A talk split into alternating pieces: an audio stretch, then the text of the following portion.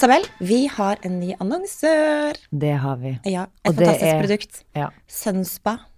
Tan in a can. I know. Og det gjør meg lykkelig, fordi vet du hva? Jeg har bestemt meg for å holde meg litt grann, eh, unna sola i år, eh, fordi jeg grilla meg så inn i helskottene i fjor og fikk altså så mye pigmentflekker. Og jeg vet at dette ikke er bra for huden, så nå skal jeg kjøre på med disse produktene her. Holde meg brun og fin. Eh, men uten så mye sol. Og det samme på de der skankene mine. Jeg har jo ikke pigmenter nede på de beina. Så dette gjør meg så lykkelig at jeg kan bare eh, Men vet du hva du skal gjøre da, eller? Nei. Da må du oppsøke en hvilken som helst Vita-butikk, for der har de det her produktet. Og jeg kan fortelle litt om det produktet. det. Eh, Sunspa er altså da en tan and a can-serie som gir deg glow. Altså rett og slett eh, Men, tannings. med farge. Men altså farge. Eh, I løpet av fire til seks timer. Og den er også berika med arganolje og acai-ekstrakt, så den tilfører også litt uh, moisture til Ja. kroppen din. Det er bra. Mm. Uh, og den ene, jeg kan fortelle om mine to favoritter. Den ene er en lotion som er en sånn deilig sånn rik krem som du bare smører inn. Som har også Den er det litt farge i, så da får du litt sånn instant tan faktisk med en gang. Eh, og den kan du bruke over hele kroppen, og den gir bare sånn magisk fin brunfarge. Og den som jeg bruker i ansiktet, heter chocolate. Som da er en boks som jeg har 10-15 cm foran ansiktet, sprayer på.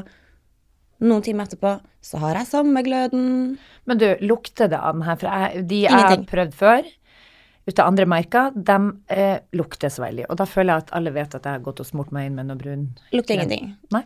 Så her er du all safe. Så jeg tenker bare kjør på. Gå innom en Vita-butikk og grab med deg et par Sunspa-produkter. Jeg skal grab it to me. Dette gleder jeg meg til.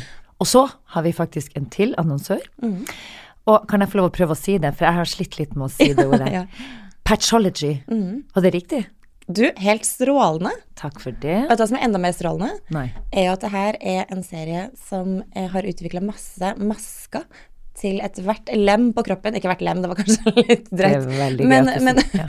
øyne, munn, eh, Hender. føtter, Føtter, ja. Mm. ansikt. Og det er helt fantastiske produkter. Og du burde jo seriøst ha hatt det produktet her når du jobba som modell back in the days. For det her er en unik serie som passer til en stresset hverdag som modell. For den brukes jo ganske hyppig på catwalken i New York, f.eks., eksempel kan jeg hilse og si. Mm. Går de med den, eller tar de den før de går på Jeg tror nok de tar en liten sånn quick fix før de går på, på catwalken. Ok, men du skrøt jo av den øyemaska fordi du ringte Mm. meg i går og sa jeg har prøvd den sjukeste fuktighetsmaska noen gang, Mm. og du sa at du seriøst følte deg 20 år yngre når du tok den av. Ja, den sånn skal jeg faktisk. rett hjem og prøve i dag. Ja, ja, ja. Det her er jo en, mas er en maskeserie som du, du ser faktisk forskjell, og det tar liksom kanskje fem-ti minutter, da. Men hvor i hulaste kan jeg få kjøpe det her, for det skal jeg jo øh, bjude på med til venninnene mine. Det er jo perfekte gaver. Ja, og i hvert fall for altså, Du kan jo bruke det eh, rett før du skal på en fest, f.eks. Ja. Har du litt poofy eyes, ta de på. Mens du gjør noe helt annet, tar de av, og så føler man seg så mye freshere. Og hvis du har lyst på de maskene her, så går du rett og slett på Vitus apotek eller Vita eksklusiv. Oi. Er det sant? Så jeg kan rett og slett bare gå dit et og hamstre? Og hamstre, ja, det er riktig, Ja. det. Du kan hamstre så mye du vil. Flott. Det hadde jeg vel gjort. Ja, ja, jeg blir å gjøre det. Ja. Og det kan hende du blir å få det i bursdagsgavene. det jeg tenkte. Du har jo bursdag rett rundt hjørnet. Om to dager. Mm. Men nå her er heldigvis eh, badet mitt fullt av Pachology. Ja, okay, så jeg ja. lover deg, jeg skal hilse og si at jeg skal, se, jeg skal gløde på min egen bursdag om et par Ja, dager. Mm. Jeg òg. Takk for den. Men du, takk for tipset. Det her er jo helt sjukt. Ja, Jeg- jeg, jeg Vær så god. Vi drar på Vitus apotek og Vita eksklusiv og hamstre. Hei sann, sveisann. Hei sann, sveisann. Vi må gjøre noe med den introen. Men det, Ja, jeg vet, vi- den begynner å bli gammel. ja. Ja. ja, takk for sist. Takk for sist. Det- Hvor er leget? Jo, det går greit. Mhm. Ting, har jo, ting har jo skjedd litt i ditt liv. Ja, det har det. Mhm. Jeg mista min kjære svigerfar, og det var rett og slett altså så grusomt trist. Ja. Ja. Så vi har vært gjennom en eh, mørk tid, men eh, ja. La oss ikke gå inn i det. Dødsfall er jo veldig trist å forholde seg til. Um, og i hvert fall dere som var så close. Ja.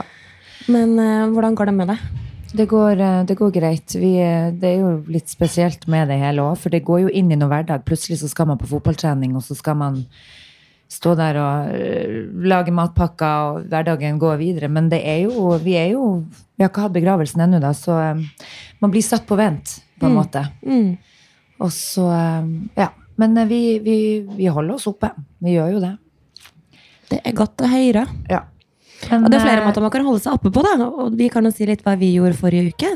Ja, det kan vi jo faktisk. For det var jo Det er jeg veldig takknemlig for at du introduserte meg for dette kurset her. Altså fordi Gud bedre, dette hadde jeg godt av. Har du fått en liten aha-opplevelse? Ja. Har det gått opp et Jeg har begynt å fokusere mye på pust i det siste. Og det har jeg jo egentlig aldri vært eh, så flink til å gjøre. Altså dette med å bare prøve å, å gå inn i deg sjøl, ta deg en liten timeout og puste med magen. Dette skal jeg bruke opp når jeg tar fly Ja, neste gang. Ja, ja, ja. Ja. For det vi rett og slett har vært på, er jo et kurs eh, om mindfulness. Mm. Eh, og det her er en venninne av meg som, som eh, har holdt på med det her en del år, og har hatt lyst til å gå på det kurset her altså så lang tid. Og det har aldri passa fordi det har vært for busy på jobb. Eh, men forrige uke så åpna det seg litt av dør, Mm. eh, og vi eh, fikk muligheten til å dra dit begge to. Ja. Raus som Kristine er, som min venninne heter. Ja. Fikk begge lov til å komme og være med på det kurset her, og det er da um, Ok, Det vi først må si nå, altså hvis alle hører litt sånn rar lyd, så er det fordi vi sitter på Tranen. Yes. Alexander Kiellands plass. Vi sitter og drikker kaffe og har kosa oss med en deilig frokost. Og så sitter vi egentlig i den gamle inngangen som er blitt et rom, men plutselig tror noen at det er utgangen. Så kanskje Så vi får besøk underveis. sånn- underveis. Ja, det kan godt hende vi får litt besøk underveis, men det blir hyggelig. Det er bare hyggelig. Det, det er stas. Men du kan jo introdusere venninna di, da. Som har gitt meg livet i gave. ja. Vet du hva, Jeg tror kanskje Kristine skal få lov til å presentere seg sjøl. Ja, det gjør jeg gjerne. Velkommen til oss! Tusen takk. Utrolig koselig å bli invitert. Altså. Utrolig koselig å ha dere med på kurs. Ja, det var jo så Det var en helt ny opplevelse for våre Men vi kan jo starte med at det var litt flau eh, entré. Veldig flau uh, entrance, ja. Du- Det var på Litteraturhuset, og vi, eh, vi dro jo dit. Ja, og eh, døra åpna seg ikke, den var låst. Og så blir jeg litt sånn stressa. Marte, det her burde du ha skrevet ned. Hvor var det vi skulle Ja, men det står Vent, nå må jeg gå inn her og se. Det står Litteraturhuset, ja, men er det noen flere innganger? Og så fant vi ut at det var det, men da kom vi jo for seint. ja vi, da- sto, et kvarter og hamra på døra på forsiden. Snakke om en scene fra et eller annet helt perfekt. Men eller noe. veldig typisk oss, da. Kom for seint, og da satt alle så fint i en liten uh, U. Hestesko. Hestesko, og eh, eh, hadde introdusert seg sjøl. Og så var det bare sånn Jeg sa til henne, Marte, vet du hva, du kan heller ta livet mitt. Jeg går ikke inn der. Jeg, jeg gjør ikke det. Jeg ikke hadde den oppmerksomheten. Og så kom jeg heldigvis du og tok og åpna døra, hun så oss gjennom vinduet. Bare kom inn, nå er vi nå, oi, Ikke sant? Jeg gir liksom ikke skam på sånne ting lenger. For Nei, det er en sånn del av mitt liv. Alltid sånne ting skjer. Ja, det gjør ikke jeg. Jeg liker ikke den oppmerksomheten. Men, så, og da satt alle og så på oss, og så kommer vi inn der og skulle introdusere oss. Vi slapp heldigvis å gjøre det sånn med det samme, for jeg kjente bare sånn Gud bedre, så flaut. Jeg skamma meg. Det skal ikke skje Men det gikk veldig gang. fint. Det var en veldig fin crowd. Eh, Veldig. Og, og da kan Kristine få lov til å presentere seg selv. Ja, skal jeg gjøre det? Ja, Ja. gjør det. Go for it. Kristine Blikstrud heter jeg altså. Og eh, jeg har jobbet med altså, dette kurset her har jeg holdt på med nå i ja, tre år. Hva heter kurset? Det heter 'Hvordan utvikle din emosjonelle intelligens med mindfulness'. Så altså et kurs i emosjonell intelligens og mindfulness. EQ, rett og slett. EQ. Mm, ja. Så sånn, sånn kort om uh, hvordan kom jeg dit, da. Ja, Så- det vil jeg vite. Så i utgangspunktet så er jeg altså, siviløkonom og var finans og økonomi som jeg fokuserte på. Da er vi 20 år tilbake i tid. Og så på slutten av studiet der så ble jeg utrolig fascinert av ledelse. Er det, hvilke ferdigheter liksom, hva, er det som, hva er det som gjør at noen er skikkelig gode ledere, og som får skape trivsel og mening på en arbeidsplass, og, og samtidig gode resultater, mens andre bruker liksom, måter som ikke fører til særlig trivsel, og kanskje ikke resultater heller. Så liksom, øh, den nerden i meg innenfor eh, organisasjon og lederutvikling våkna da i 2000. Og da startet jeg liksom, karrieren min med å jobbe med organisasjon og lederutvikling i, først i konsulentbransjen, så jeg jobbet ute i forskjellige bedrifter. Og så var jeg HR-leder noen år, og så startet jeg dette selskapet som jeg driver nå, som heter Bell Organization and Leadership, i 2016. Og og når jeg da startet eget selskap, noe av grunnen til at jeg gjorde det, var at altså, jeg elsker faget mitt. Virkelig. Jeg elsker å jobbe med mennesker i utviklingsprosesser. Så, så når jeg skulle starte eget firma, så var det litt sånn ok, nå skal jeg gå ut med, i verden med det som jeg setter aller mest pris på. Og mindfulness, eh, som er kanskje et pussig ord for noen, kanskje noen kjenner det godt. Vi kan komme nærmere inn på hva det er. Mm. Det, var liksom, det er et verktøy som jeg har hatt, har hatt og har enormt mye glede av. Så jeg bare merket at det er noe av det jeg også ønsker å tilby. Så Ja. da i tillegg til liksom å jobbe med bedriftsmarkedet primært, så begynte jeg å sette da opp kurs som var for alle. Da kom det jo mange kundene mine fra, eh, fra næringslivet, men også alle mulige andre som var som nysgjerrig på hva, hva er det dette her er. Kanskje det er noe, med, noe for meg også. Så sånn starta det hele. Og er på en måte, det kan man bruke i alle aspekter i livet, på en måte. Ikke bare i ledelseskultur, på en måte. Absolutt. Altså, det er like verdifullt for privatlivet Ja, som, jobb, visst. som arbeidslivet. ja. Ja. Det, det dreier seg egentlig om altså, sånn, det dreier seg egentlig om, om selvledelse. Altså det å um, Altså i dagens arbeidsliv og liv generelt, så er det mange som lever veldig sånn hektiske liv. Liv der vi er mye stimulert. Så det å liksom bli en god eh, leder av seg selv, eh, hvor man har et bevisst forhold til seg selv, da kommer vi inn på emosjonell intelligens, eh, som mindfulness kan bidra til. Ja. Det er gullgruve. Det er så verdifullt. Men har du alltid visst deg av dette redskapet? Du har, har du alltid brukt det sjøl? Eller når fant du ut at dette kan også være bra for deg å kunne? Hvordan Ja. kom du over det? Eh, I 2002 var første gang som jeg gikk på et kurs. Eh, og da Det var en vanskelig, vanskelig periode i livet. Funka ikke helt som Det var ikke helt optimalt, verken på jobb eller på privaten. Og jeg kjente at jeg hadde ikke så innmari bra. Og så var jeg nysgjerrig på hadde hørt om det. Og liksom, ok, det er, det er et kurs i nabolaget, jeg stikker på det. Og, og da kjente jeg at å gud, jeg finner virkelig roen. Å wow, Det er som en føles som en måte å lade batteriene på. Sånn var det jeg følte først. Men så syns jeg det var litt sånn var litt sånn rart og ukjent. Så jeg, jeg, jeg falt av. Eh, Jeg slutta med det etter hvert. Men så har jeg igjen og igjen hørt varme anbefalinger. Eh, Så jeg har kommet litt tilbake til et nykurs. Og så var det for en ja, hva kan det ha vært da? Kanskje ca. fem-syv år siden. Så var det samtlige av de som jeg har lært mest av innenfor psykologi og ledelse, sa var at vil du virkelig ha et verktøy som, eh, som hjelper til eh, i menneskers utvikling og din egen utvikling, så, så gå til mindfulness. Det er ikke noe som er bedre. Og da var det sånn, ok, nå går jeg inn for det. Og fant de beste lærerne, eller lærere som var gode for meg. Og så, etter å ha virkelig gått inn for det, så ble jeg liksom Wow! Effekten er fantastisk. Ja, ja. For hva vil du si eh, emotional intelligensfaktor Eller si det på engelsk. Ja. Emosjonell intelligens. Hva er det?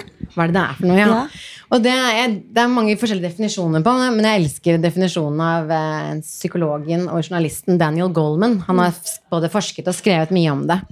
Og han definerer det som emosjonell intelligens. Det består av fem kompetanser. Ja. Det første er som kan utvikles. Ta-ta! Det er den gode nyheten. Ja, ja, ja. Nei, det første er selvinnsikt. Det er ikke sånn at du kommer aldri til å få selvinnsikt. Så det er ikke sjans for deg? Enten så har du det, eller så har du det Du ikke. er. Ja. Ok, første er selvinnsikt. Ja. Ja. Neste er, Skal jeg gå gjennom de fem Ja, først? Så kan vi gå litt i dybden på hva det er. Så første er selvinnsikt. Og andre er selvregulering. Og så har vi selvmotivasjon. Så har vi empati og sosiale ferdigheter. Ja. Empati sliter du med, Marte. Veldig. kan man ha for mye empati, eller? Du kan bli så slem noen gang. Ok, så disse her. Ok, selvinnsikt. Det, fortell litt om det. Ja. Altså, Den kan man jo dra langt, ikke sant? helt til Ja. 'kjenn deg selv', sa Sokrates. Sant? Så det er jo et filosofisk spørsmål. Hvem er jeg? Men la oss gjøre det litt enklere, da. Det dreier seg om en innsikt i egne tanker, tankemønstre, følelser, sterke sider, svake sider. Når, når er jeg på mitt, på mitt beste? Når er det jeg visner? Hva er grunnleggende behov jeg har, og hva er grunnleggende drivkrefter? Sånn, Å kjenne seg sjæl. kjenne seg sjæl. Men å være ærlig eh, føler, Ja. altså Selvinnsikt føler jeg jo å være ærlig med seg sjøl. Ikke sant? Det er jo det selv, altså, For det er jo mange som Ikke det man ønsker å være, men Nei. hvem er jeg faktisk? Og ikke late som, men Ikke hvem late er du virkelig. ja. virkelig? Ja. En Skrelle løken var selvregulering, da. Den, Det var jo en eh, ting du sa på kurset, å skrelle løken, på en måte. Bare Ja. sånn gå skikkelig inn i dybden. ja. Hvem er jeg, hva består jeg av, hvilke verdier har jeg? Altså, Mm, hvem er jeg, liksom? mm. Eh, Så er vi på, eh, nå er vi på selvregulering, og det, den føler jeg at jeg må eh, Den må jeg jobbe litt med. Hilsen, hilsen sist, eh, sist pod når jeg snakka på inn- og utpust. Der vil jeg bare be om unnskyldning, Marte, for jeg hørte at jeg overlappa deg så veldig i den kjeftsmella som gikk. Sorry. Uh, it ain't gonna det, happen again. Det går veldig, Yeah, right. veldig fint. Jeg er så Ja empatisk av meg. Så Men selvreguleringa, den skal jeg jobbe med. Hva vil du si om selvregulering? jo, selvregulering. Altså det, som definisjonen lyder, da, det er evnen til å romme, kontrollere eller korrigere korrigere impulser og humørsvingninger. Så la oss si at man ikke har noe selvregulering. Da. Det er at man sier og, og gjør liksom alt som faller deg inn.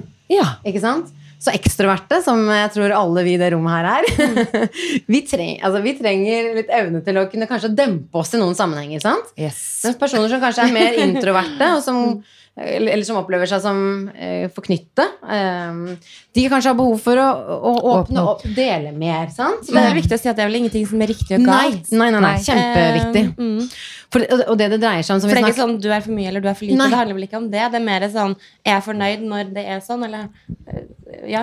Eller- jeg klarer ikke å forklare det godt, men du gjør jo det. det, var det, vi, ja, det snakket vi masse om i kurset. Fordi Mm. det kan, dette, dette, er, dette dreier seg ikke om moral. Det Mm. kan dreie seg om det hvis man vil det, men i utgangspunktet Jeg kommer ikke fra det ståstedet. Nei, ikke sant. Det dreier seg om muligheter. Og frihet. Ikke sant? Så for eksempel, ta meg selv som eksempel, som alltid kanskje som er lettest. Det er at når jeg jobb, startet å jobbe med, med lederutvikling, hvor jeg skal sitte for eksempel én til én med ledere og prøve å hjelpe dere, eh, eller, en, eh, eller med en gruppe, som ekstrovert så tok jeg meg i at jeg er glad i å snakke. Jeg hadde lyst til å snakke mye. Jeg hadde lyst til å komme med forslag, komme med løsningene for dem. Men jeg visste etter hvert som jeg studerte også psykologi og ledelse gjennom det her, at det beste for dem er om jeg kan være til stede med dem og stille dem noen gode spørsmål. Så de selv kan eh, reflektere og kjenne etter. Eh, og da var det helt avgjørende for meg at jeg begynte å regulere meg. Så jeg startet, altså startet da å jobbe mye med å Når jeg oppdaget at jeg hadde lyst til å si noe, catche meg Ok, greit, jeg har lyst til å si noe, men jeg velger å ikke gjøre det. Fordi resultatet jeg ønsker, det er at de skal ha en best mulig utviklingsprosess. Sant? Så det dreier seg om sant? hvilket resultat er det du ønsker. Istedenfor å fortelle, så bare stille spørsmål istedenfor. For at de skal svare på det sjøl. Så, så, så, så spørsmålet er altså, hvilket resultat vil du ha, og hva er da nyttig? Sant? En som gjerne kanskje ikke uttaler seg noe særlig i forsamlinger, men har lyst til det, har kanskje lyst til å begynne å trene på det. Mm. Så selv om man da merker at ok, nå sitter jeg i en forsamling, og jeg har lyst til å si noe, men jeg blir redd, ok, så da, da sier jeg ikke noe. Istedenfor da å la redselen stoppe igjen, så kanskje neste gang tenke at ok, nå er jeg redd. Jeg velger mot. Jeg sier noe allikevel. Altså, ikke sant? og, dette her, og det er så utrolig viktig i dette med emosjonell intelligens og mindfulness også, at nå sitter vi og snakker om det. Sant? Så da kan man øke kunnskapen sin om emosjonell intelligens og mindfulness. Men du kan kun utvikle evnen ved å trene. Så, Så den her skal jeg jobbe med, for jeg er jo motsatt. ikke sant? Jeg er jo sånn, Du putter penger på meg, så stopper jeg jo faen ikke. Jeg er ikke redd for å åpne kjeften i any forsamling, men det jeg kan gå hjem etterpå og få angst over, er nettopp det. But why kunne du ikke puste imellom? What, liksom? Så eh, ja, selvregulering skal kjenne sånn Jeg har jævla lyst til å prate litt til, men nå skal jeg bare mm, mm, mm, shut the hell up og la hun få lov å by deg på litt. Den der. Den, Marte, den skal vi, skal Den kan vi jobbe litt med. Den skal jeg jobbe med. Mens jeg derimot må jobbe litt med selvmotivasjon om dagen. Ja. Mhm, For det er vel neste, neste ledd i de fem komponentene? er det ikke det? Ja, det er den tredje kompetansen. Og så, okay, så hva er selvmotivasjon? Og det dreier seg om liksom en inn, hva er min indre motivasjon? Ytre motivasjon er jo eksempel Jeg tar den jobben for jeg trenger å tjene penger.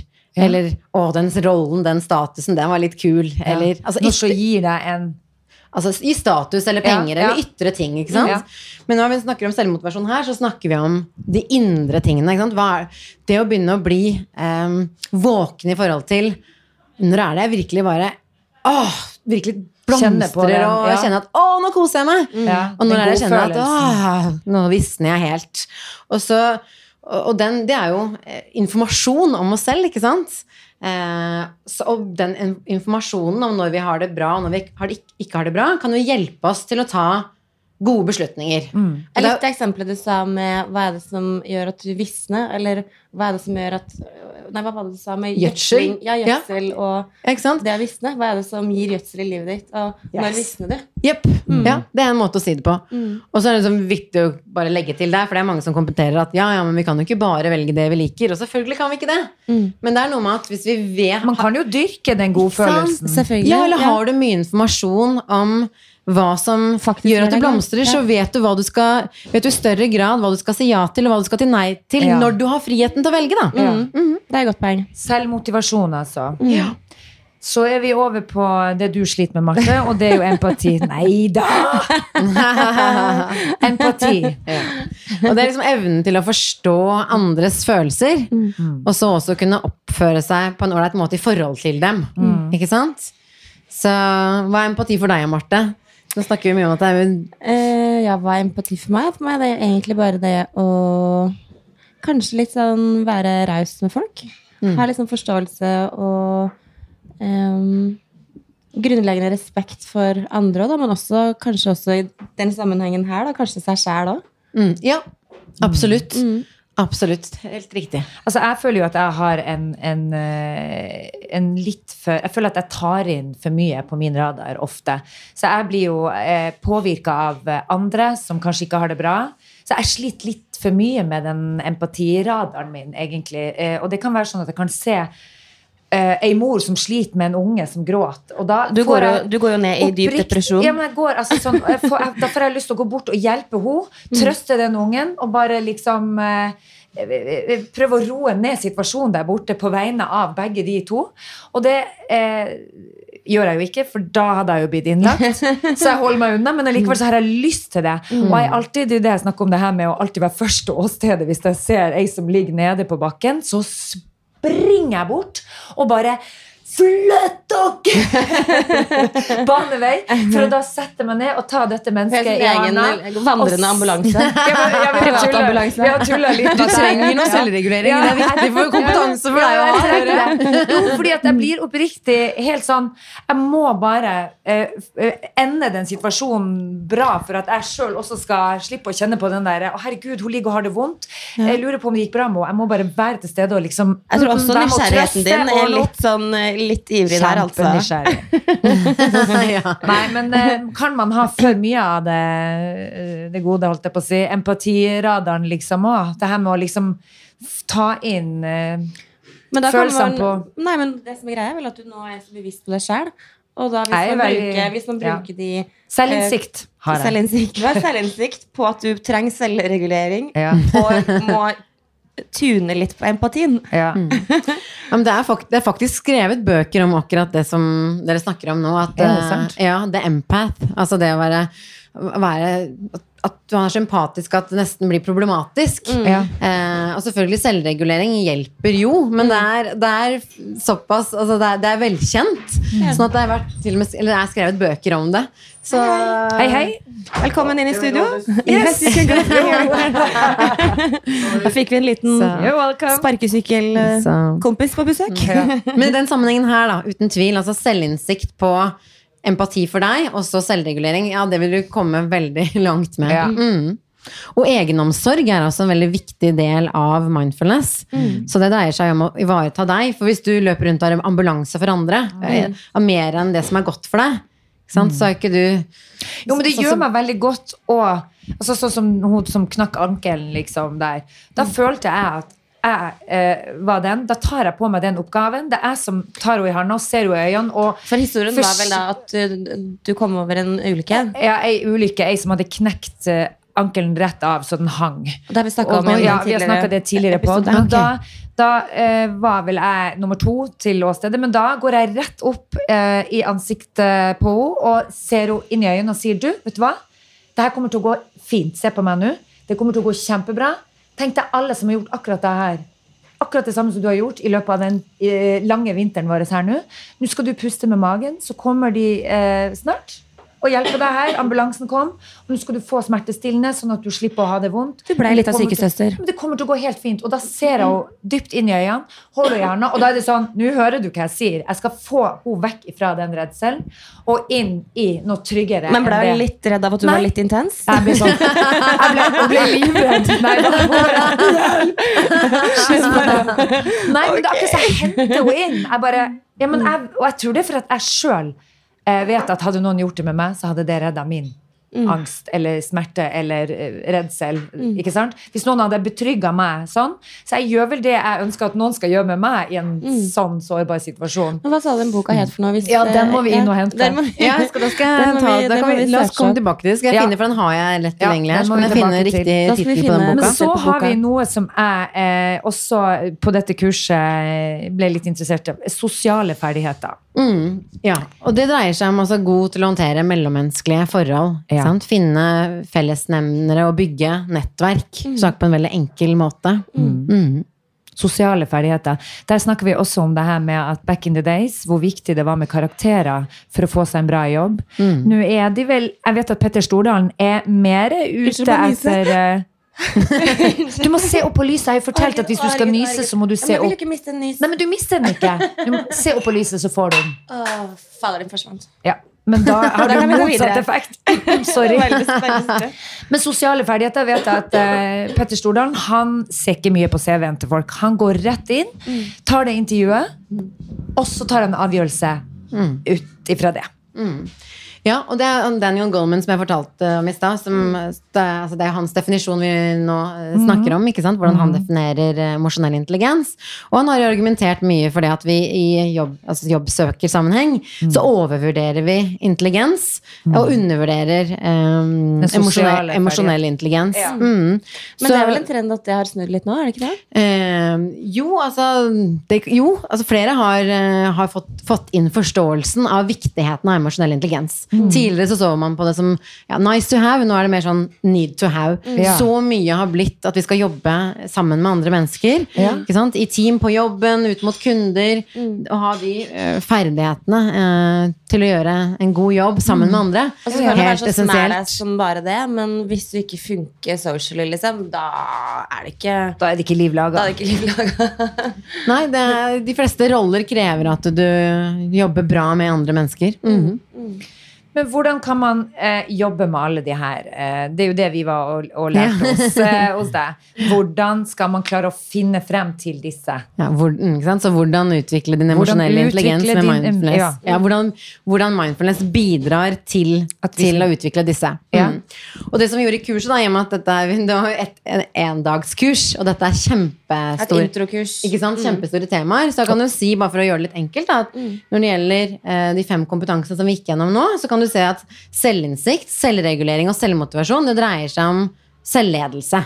Ikke sant? Og så dreier de to siste seg kanskje mer om samspillet med andre, eller ledelse av andre, avhengig av hva som er rollen din. Ikke sant?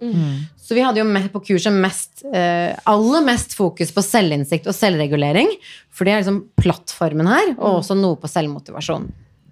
Så, så mindfulness altså hva er, Det er jo noe med også å få på plass hva er mindfulness. Sant? Ja, Hva er det egentlig det er? Kan jeg da få skyte litt? Du sa et eller annet om at eh, det kanskje Altså at mindfulness faktisk har litt sånn Ikke frynsete rykte, men det er mange som har liksom sett er litt på det som litt sånn uh, eh, hva, er, hva er mindfulness, liksom? Er det sånn Det er litt kritisk til det. Mm. Ja, jeg er litt kritisk til det, rett og slett. Sånn, eh, ja. Ja. Og det er mange, det er mange som, som eh, Det var en som sa til meg Jeg jeg tenker at det er veldig alternativt. ja, Veldig mange ja, tenker ja, det. Ja. og det, og det, det skjønner jeg. Jeg også var ikke komfortabel med det ordet i det hele tatt.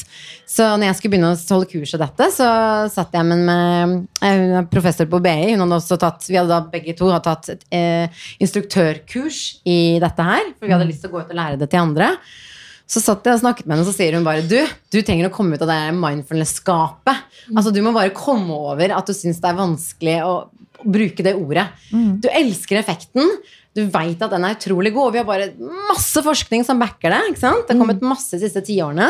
Så nå går du bare ut der.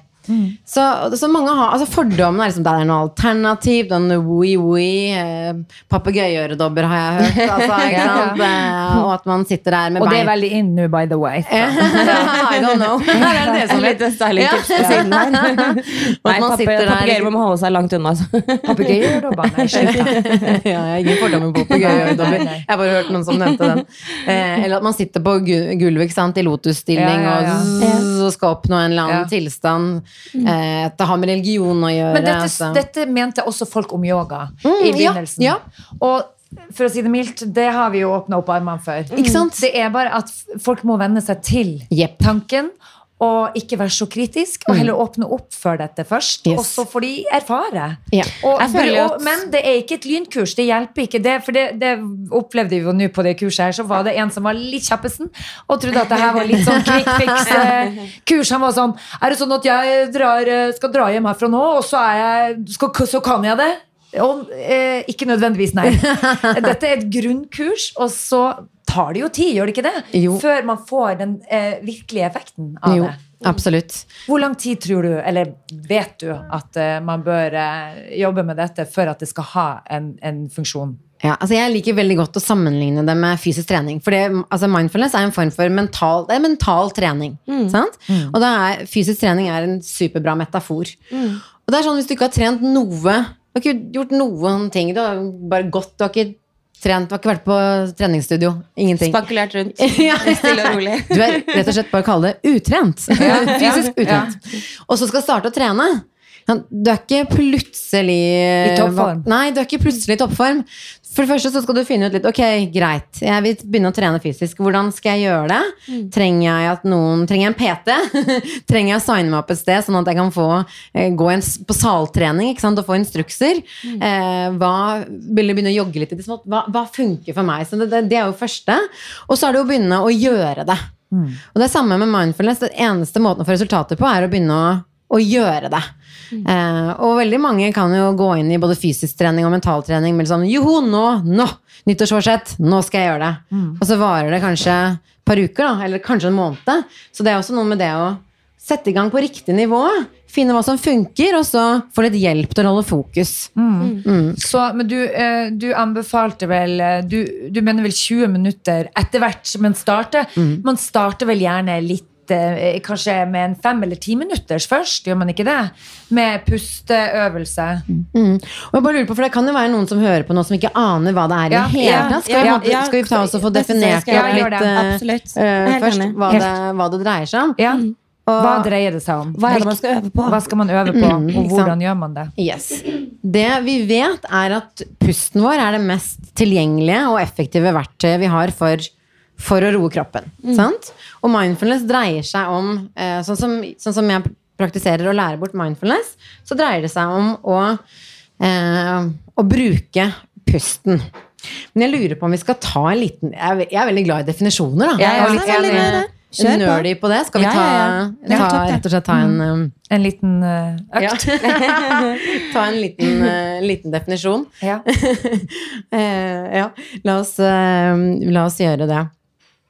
Eh, Nå ble jeg veldig lattermild her plutselig. Her er det lov å le. Vi er en lystig pod. Ja. Um, Åh, guri meg. Vi tar, en, vi tar en enkel variant. Vi tar først norske oversettelsen. Og det er, altså På norsk så, snak, så er oversettes mindfulness til oppmerksomhetstrening. Ja. Mm. Vi trener oppmerksomheten vår. Og hvorfor er det relevant å trene oppmerksomheten vår? Jo, fordi at altså, kroppen vår den er alltid til stede der vi er. Den, den sier seg selv. Men hodet vårt er veldig ofte et annet sted enn der kroppen er. Altså, det vil jo si Tankene våre er ofte et helt annet sted enn kroppen vår. Og forskning fra Harvard har vist at ca. 50% av tiden så er tankene våre et annet sted enn kroppen. Vi- Vi sitter, for eksempel, Nå sitter vi sammen her. Hvis jeg ikke er til stede med dere nå, så det er et eksempel at jeg for eksempel tenker på hva jeg skal gjøre senere i dag. Eller at jeg tenker fremdeles på kurset som var forrige uke. Mm. Planlegger, bekymrer, vurderer. Jeg tror mange kan kjenne seg igjen i det. Ja. 50% av tiden så viser Tanker er forskning da yes. Og det er tankens natur at de fyker all over the place. sant? Og så vet vi også det med forskning at, og vi kan også vite det med- med enkel erfaring, at vi har det best når tanker og kropp er samme sted. For da er vi ordentlig til stede i situasjonen. Og får med oss det eh, Nå sitter jeg overfor deg, Isabel. Jeg får jeg med meg deg. Jeg får med meg den deilige kaffen som jeg drikker her. Få med øyeblikket. Det er mye mer tilfredsstillende enn at tanken er all over the place. Ja. Sant? Så vi trenger Og i og med at at det er tankenes eh, natur at de beveger seg. Så vi trenger faktisk å trene på å ta de til øyeblikket. Og det er det mindfulness eller oppmerksomhetstrening hjelper oss til. Hvordan kan jeg trene opp evnen min til å være her og nå på en nøytral måte? Det er, er det hjernetrening? Det er du mental, trener opp hjernen din. mental trening. Ja. Dette er mental trening. Yoga for hjernen. Yoga for hjernen. Mm, absolutt. Det er absolutt det det er. Så, så, så det er rett og slett det det dreier seg om. Å få hode og kropp til å være på samme sted. Fordi, og hvor, hva er hensikten med det? Jo, da har vi det aller best. Ja, for jeg merker sånn, Hvis jeg blir stressa og blir veldig sånn der, tenker på alt mulig, la, la, la, så det første som jeg merker, er jo da at man får Man mister pusten, rett og slett. Mm. Så det å på en måte samle de to, da, Mm. er jo bare en vanvittig deilig tanke. At, At man kan, kan, fokusere ja, på man kan liksom regulere det. Hvis man blir stressa, at man kan si sånn Shit, det her er en ubehagelig følelse. Mm. Hvordan, hva gjør jeg nå for at jeg skal liksom roe meg ned eller komme dit jeg har lyst til å være? Mm. For det her er ikke noen deilig situasjon eller eh, måte å ha det på akkurat nå. Mm. Um, og da sier du at mindfulness gjør da at du kan lære deg teknikker som drar deg tilbake dit du vil. Mm. Så det er som sånn, når jeg lærte det Når jeg gikk læring for dette her, så lærte vi at sånn, det bidrar til Mindfulness bidrar i hovedsak til to ting. Det er å redusere stress. Ikke sant? Ref. Pusten som vi da går til med mindfulness, er det mest effektive verktøyet for å roe kroppen. Så altså, stressreduksjon. Og det andre er, eh, er, er selvutvikling, som jeg velger å kalle emosjonell intelligens. Fordi selvutvikling kan være litt sånn ok, fluffy, hva er det? Mm. Så altså redusere stress og selvutvikling, eller utviklingen av din emosjonelle intelligens. Alt ettersom hva du foretrekker, da. Mm. Å kalle det. Og hvordan starter man med å trene? Er det liksom Hvilke øvelser. meditasjon, Ja. eller eh, hva gjør du? Hva, hva man helt kon konkret gjør, så er det så, Når man går på kurs, for eksempel, sånn som dere gjorde, så lærer dere det vi kaller formell mindfulness-trening. Og det dreier seg om å sette seg ned og helt konkret trene. Du kan også igjen da bruke parallellen til fysisk trening. sant? Formell fysisk trening er når du f.eks. går på helsestudio eller tar den joggeturen. Og så kan man også snakke om uformell trening, i fare for å komplisere det. Det er når vi hopper av bussen en eh, stoppested tidligere bare sånn for å gått, få gått litt mer, eller går istedenfor å ta heisen. Og på samme vis kan vi også når som helst gjøre uformell mindfulness-trening. Så gå til pusten. For eksempel Isabel, du fortalte at på, i kurset at på, på flyet Ja. så blir du stressa. Og da har du funnet en måte å sentrere deg på. Eh, og det, og da, Med litt av bønn. ja, ikke sant? Så du valgte en bønn, men der, Ja, og det Og et par øl. ja, ikke sant? Og da blir den bønnen ja, Og noen øl. Ølen er ikke en del av ikke, ikke noe gærent med ikke, alt Ikke øl kan være helt topp. Vi må, vi må ikke blande øl inn i kurset her. Nei. Ja, men Øl kan også være fint til, Ja. til sitt formål. Men det er noe så. Eh, ikke sant? Og det, så det dreier seg jo da om, det du gjorde da på flyturen for å roe deg, var at du gikk til en liten bønn som du fokuserte på, og så merka du at det ble roligere av det. Ja. I mindfulness så går vi til pusten og fokuserer på den for å, for å finne ro. Eh, og da snakker man gjerne om en, et oppmerksomhetsanker. Altså et sted hvor du hviler oppmerksomheten din. Du hvilte, eller du liksom fokuserte oppmerksomheten din til en bønn. I mindfulness så fokuserer vi oppmerksomheten vår til pusten, enten ved neseborene, typisk, eller i magen, Ja. eller eventuelt i brystet, som hever og senker seg. Er det en riktig måte å puste på? Det vi trener på i mindfulness-trening, er å bli observatør av pusten. Og det er kjempeviktig. Så det er ikke sånn som i, mange som kommer til meg som har vært på yoga. Og der, jeg kan ikke så mye om yoga, men der er det noen øvelser i hvert fall, hvor det er styrt pust. Mm. sant? Og det er noe annet. for er Ikke alle som får den helt ned i magen. Nei, nei. Det Så, så mindfulness dreier seg om å bli en observatør av pusten din. Vi puster jo hele tiden, mm. men det er veldig sjelden vi er så veldig oppmerksom på det. Ja. Men i mindfulness så skrur vi på da oppmerksomheten i forhold til pusten. Så vi blir observatør av pusten slik den er. Og der vi finner den lettest. Og det er Ja, ja. det dere må få hjelp til da, gjennom kurs. For det høres lett ut, men kan være veldig vanskelig for vi, for vi satt jo der, når vi, skulle, når vi skulle finne fokuset på den pusten, så begynte jo folk å legge merke til hvor de pusta. Ja. Og noen pusta jo høyt oppe i brøstet. Og eh, så var det noen som fikk den da, kjente den ut av nesa. Og eh, eh, jeg klarte faktisk etter hvert å kjenne at jeg klarte å dra den helt ned og fylle magen. Fordi at du ba Du sa det, det kan være lurt å legge handa på magen. Eh, for da kjenner du om magen går ut og inn. Ja. Og, og da gjorde jeg det, og det var akkurat sånn at jeg klarte å slippe pusten ifra brøstet og ned i magen. Nettopp fordi at fokuset Altså, jeg klarte å Ved å ta på magen, så klarte jeg å flytte fokuset. Eller pusten helt ned der. Og Jeg det merker ganske fort endring på sånn min del. Jeg har veldig sånn pust i, i, sånn, ganske høyt i brystet, som sikkert veldig mange har som har det er det mest ja. De fleste har sikkert det, ikke sant? Men det sunne Men er jo å få den helt ned i magen. Ikke sant? Og, du, mer- og den roen man får når man faktisk kjenner at det flytter seg helt ned i Ja. magen, den er sånn Shit, det er digg, liksom. Eh, og hvis man klarer Det er best liksom for kroppen hvis du klarer Ja, du, du kjenner liksom at kroppen smiler litt innvendig da, når det skjer. Ja, ikke sant? Og det er noe med det at når man har Jeg var i hvert fall veldig stolt av å få det til. Ja, ja, ja, ja. At jeg bare- egen, egen ja. omsorg, liksom. Og, Ja. og faktisk sånn unne seg sjæl og faktisk puste Mm. ordentlig, da. Ja, altså det mange er, erfarer på det kurset, er jo at du går derfra og er roligere. Bare, Å, så deilig. Det var som en sånn, et indre spa. ganger ja, faktisk. Indre indre spa, ja. Ikke sant? Så Jeg tok det i bruk med en gang jeg satte meg på bussen for å teste ut. ja, ja. Du gikk rett i Jeg med en gang. ja, ja, jeg gjorde det. Ja, så bra, Det Mm. Det er såpass mye stress i den kroppen her at jeg tenkte vi må bare komme i gang med en gang. Ingen tid å miste. Åh, guri meg. Nei, nei, men virkelig, altså. Og nå etter at svigerfaren min eh, gikk bort, så kjenner jeg at det er deilig å klare å flytte fokus litt vekk ifra det. Og, og klare å gå inn i meg sjøl og bruke det redskapet der som jeg skal jobbe Som jeg ikke jeg er ikke i mål overhodet, for dette har vi bare kunnet nå i tre dager. Jeg skal flere ganger på det kurset, for å si det sånn. Mm. ja. Så hyggelig. Og jeg skal ta med meg alle jeg kjenner. Hele Dere er gården. hjertelig velkommen. Ja. Men, ja. Men det, Ja, da fikk de kommet seg inn med barnevogn. Og yes, det det var ikke tok bare jo bare. faen et år før vi fikk den døra opp.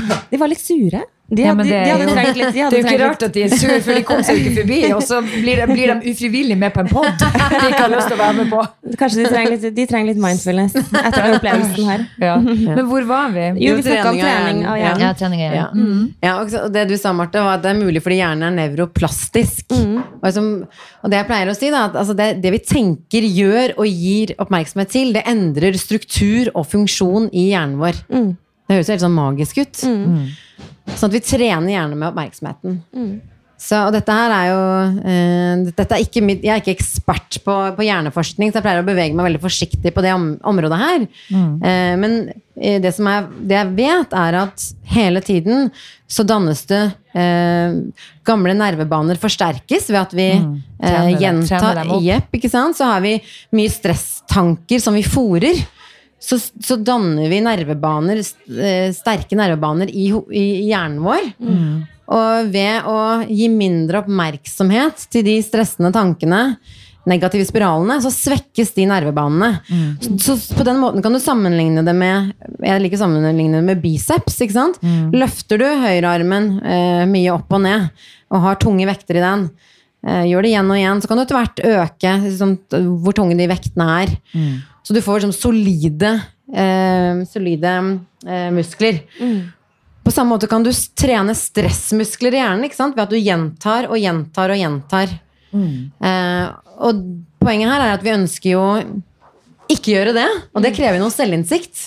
Ikke sant? Og så trenger det et verktøy for å kunne Ok, så når jeg blir tatt av negativ spiral, hva, hva da? Ikke sant? Har du gjort mye mindfulness-trening, så vil man lettere gjenkjenne at uh-oh, nå er jeg på vei ned i negativ spiral. Og så vil du klare å, å stoppe deg selv eh, fra å fortsette ned i negativ spiral. Det er et slags kompass da, på eget sinn. På en måte. Egen syke. Mm, eget sinn og syke. Egen sinn Ja, og sant? Altså, med mindfulness-trening så øker du selvinnsikten din. Du vil kjappere catche når er det jeg er på vei ned en, en gate jeg ikke har lyst til å gå, mm. og så stoppe deg selv. Eh, og noen ganger så er kreft, de indre kreftene så sterke på å gå ned den gaten, så, du, så du klarer ikke å, å, å stoppe det. Så, men da er det med- man er det. men da. er det noe med å evne å observere at ok, nå er jeg på vei ned den That shitty road again. Ok, det er ikke verdens undergang.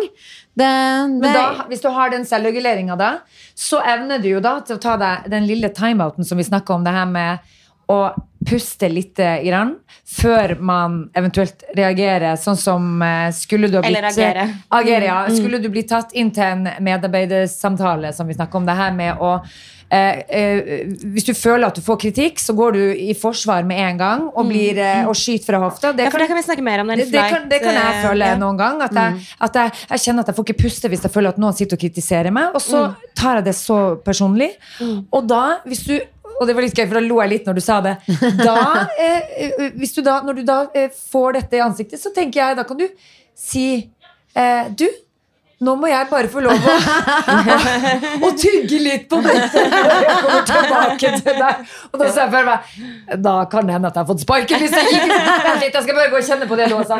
Men det du kan gjøre, er jo å gå inn i den pusten og ikke reagere med en gang, men bare kjenne på Pust med magen og si 'jeg er god nok som menneske'.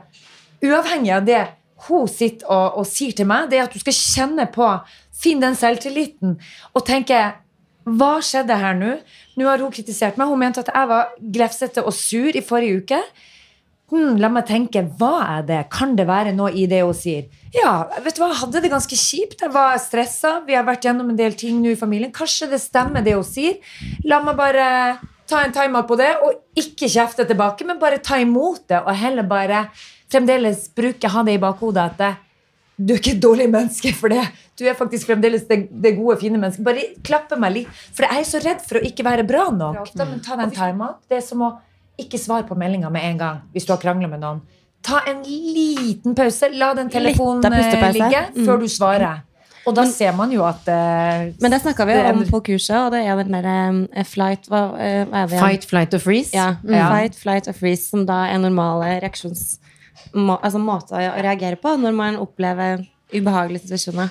Ja, altså det vi snakket om da, og det kommer jo igjen an på hvor dypt du skal gå inn i dette med Ja. hjernen, da, ikke sant? men at hvis vi prøver å gjøre det enkelt, da, så har vi som inn eh, ja, nå kan jeg jo selvfølgelig ikke vise fram det, vise fram det men altså, vi har amygdala er, er, fins i vår hjerne, og amygdala sin funksjon er å skanne i omgivelsene etter farer. Kan tenke at Det har vært kjempenyttig når vi har levd ute i naturen helt ubeskyttet. sant?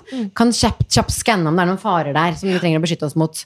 Og så har vi foran eh, pannen så har vi en prefrontale cortex, som jeg gjerne kalles hjernens Ikke Gore-Tex, men Nei, ikke Gore-Tex. Hjernens administrerende direktør. Sant? Vår evne til Ja. å vurdere, analysere, planlegge, beslutte. Sant? Ja. Og de, eh, amygdala og prefrontale cortex, de snakker sammen.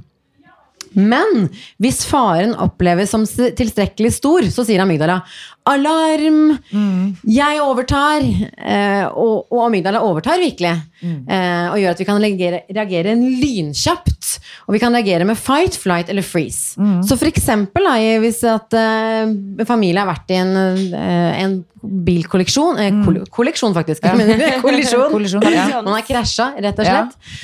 Og mor kommer til seg selv og ser at barnet ligger liksom inneklemt.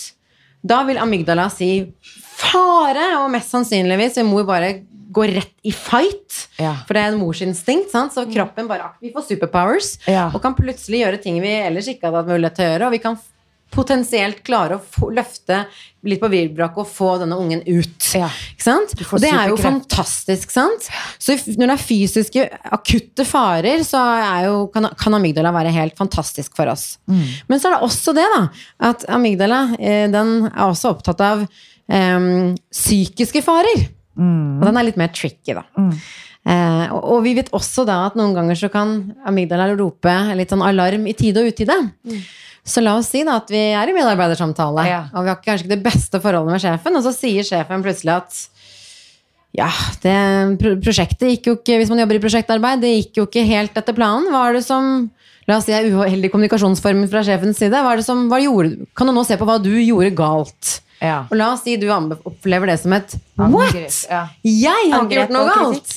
Jeg har virkelig gjort alt mitt, og du bare merker at Inn i at forsvar. Du er klar for fight. Jeg Ja. er klar, på, klar for bare å kjøre tilbake. Ja, angrep er det beste forslag, for, forsvar.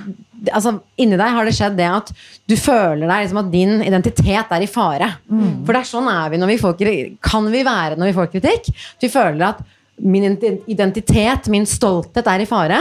Og på et millisekund så Psykologisk død, var det ikke det du kalte død. På et millisekund så har amygdala bare overtatt for oss. Kuttet kontakten med administrerende direktør. Og kjørt på med til sjefen. Og noen har liksom fight som sin default, mens andre har kanskje freeze. da Som er at du bare blir stum. Har, kom, Ja. kom, kommer ikke et ord. Har ikke noe å forsvare deg med. Eller at du har flight, som er sånn basert på sjefen, og så Du kan ikke gjøre noe annet enn bare å stikke. Den kanskje flere kjenner seg igjen med fight med kjæresten. Jeg vet ikke. Ja. Så blir det kanskje en lang forklaring på det, Ja. men, Men, men, da eh, sa du, ja. hvordan da mener du at man skal Ja. eh, eh, jobbe med seg Ja. sjøl, da? For det var da du kom inn med den der eh, Eksempelet. eksempelet. Hva, hva, hva skal man gjøre i en sånn så hva situasjon? Ja, så hva, hva er nyttig med alt det som Ja. jeg sitter og forteller om nå? Jo, Det som er nyttig nummer én, er å vite at dette her er menneskelig. Dette skjer med oss. Og så er det jo da ja, ikke sant? Altså, hvis vi blir tilstrekkelig trygget, vi føler at det er en psykologisk eller fysisk fare, så kan det være at amygdala overtar. Og med mindfulness, da, da er vi tilbake til selvinnsikt igjen, så kan vi trene opp evnen til å, til å, til å catche når alarmen har gått. Så hvis du har drevet noe med mindfulness-trening, så vil du f.eks. i en medarbeidersamtale eh, catche at Oi, der, nå kjenner jeg at jeg er full av uro. Hjertet begynte plutselig å banke. Jeg kjenner det knyter seg i nakken eller i magen. Altså, du begynner å kjenne igjen eh, signaler i kroppen. Og, du, og du merker at de, kanskje din første impuls er enten da å fryse, eller bare ville komme deg bort derfra, eller å gå til angrep. Da kan du vite at ah, nå er det amygdala som sier hei, hei, fare, fare. Ikke sant? Du har lyst til å reagere. Så det første er at du må catche at det skjer. Og, og så ønsker du at forbindelsen mellom amygdala og hjernens administrerende direktør at den ikke skal kuttes. Reagerer du med en gang, så kommer du fra amygdala. Men hvis du legger inn en pause, Ja. Så gir du deg selv muligheten til å få opprettholdt forbindelsen. Og da øker handlingsrepertoaret ditt.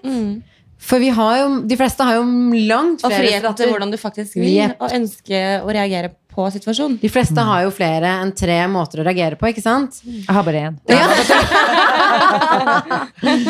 Ja. Nei, men du, det er jo en fantastisk uh, Det her er jo viktig å vite for så mange, og det gjør jo veldig mye med selvtilliten din òg. Å kunne beherske seg litt i sånne situasjoner. Fordi når man er på det mest sårbare, og da eh, skyter fra hofta og uh, skal forsvare seg sjøl, så tar man en liten pustepause der. Tenk sånn at du, at, at du får tid til å rett og slett tenke deg litt om før du bryter ut. Og det er jo, fordi det er jo, når du da skyter fra hofta og, og går i forsvar med en gang òg, det gjør jo ikke saken nødvendigvis bedre. Eh, ikke sant? Det er ikke alltid det blir så veldig fruktbar Det er ikke, det blir, det blir ikke kjempe, det er ikke Fruktbart resultat av det, nei. Ja. Det er ikke sikkert at hun beholdt jobben etterpå da, hvis Nei da. Men det som det jeg også syns er interessant, er at man eh, Det jeg syns er veldig interessant, si interessant, er at du sitter og røyker inne på Tran. Hva er det du har for Du vet hva, Magnus har vært i London og kjøpt en sånn derre eh, el... eh, Elsykkel. Elsykkel. Kjøpt en elrøyk. Nei, den e-sigarett med mangosmak. Er du, men er det nikotin i? Bitte litt, men ikke så mye annet Er du sikker på at det er lov å røyke inne da? Ikke helt sikker, nei. Altså, jeg Du tok et litt Da tenker jeg å sitte og smugrøyke inne her. Vi kommer til å bli kasta på Apropos det, huet. apropos, eh, apropos mentale dårlig uvaner. Ja. Eller går det her inn på selvinnsikt? Jeg vet ikke. ja. Eh, nei, altså mentale eh, uvaner. Ja. Vi snakka også om hvordan vi kan endre mentale eh, Ja, vanene våre. mønstre. Ja. Mm, Ja, Mønstre. Ja. For det er vel eh, Mindfulness er vel en del av det. Ja, så det, er, det er viktig for å kunne altså Det er en viktig del av mental trening. For mindfulness øk, hjelper oss da til altså økt selvinnsikt, sant? Og også selvregulering, som vi akkurat har snakket om. Eh, og, så, er det noe med at vi kan bygge opp en, på samme måte som vi har fysiske vaner. Altså vi pusser tenner hver dag, funnet ut at det er lurt. Vi går og trener, vi spiser kanskje sunt eh, osv. Så, videre. så, kan vi også, så er også mentale vaner noe som kan forbedre, gode mentale vaner. Også noe som kan forbedre livet vårt veldig. Da.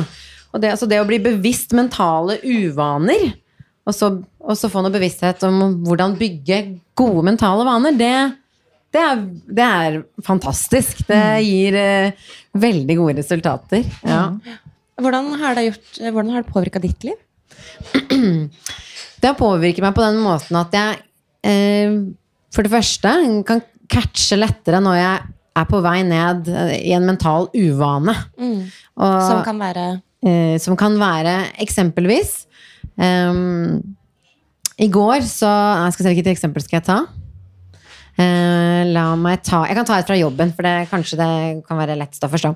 Mm. jeg har, eh, det å være veldig perfeksjonistisk har vært, en sånn, har vært noe jeg har eh, ja, struggla litt med. Eh, og perfeksjonisme kommer jo ofte fra redsel. ikke sant?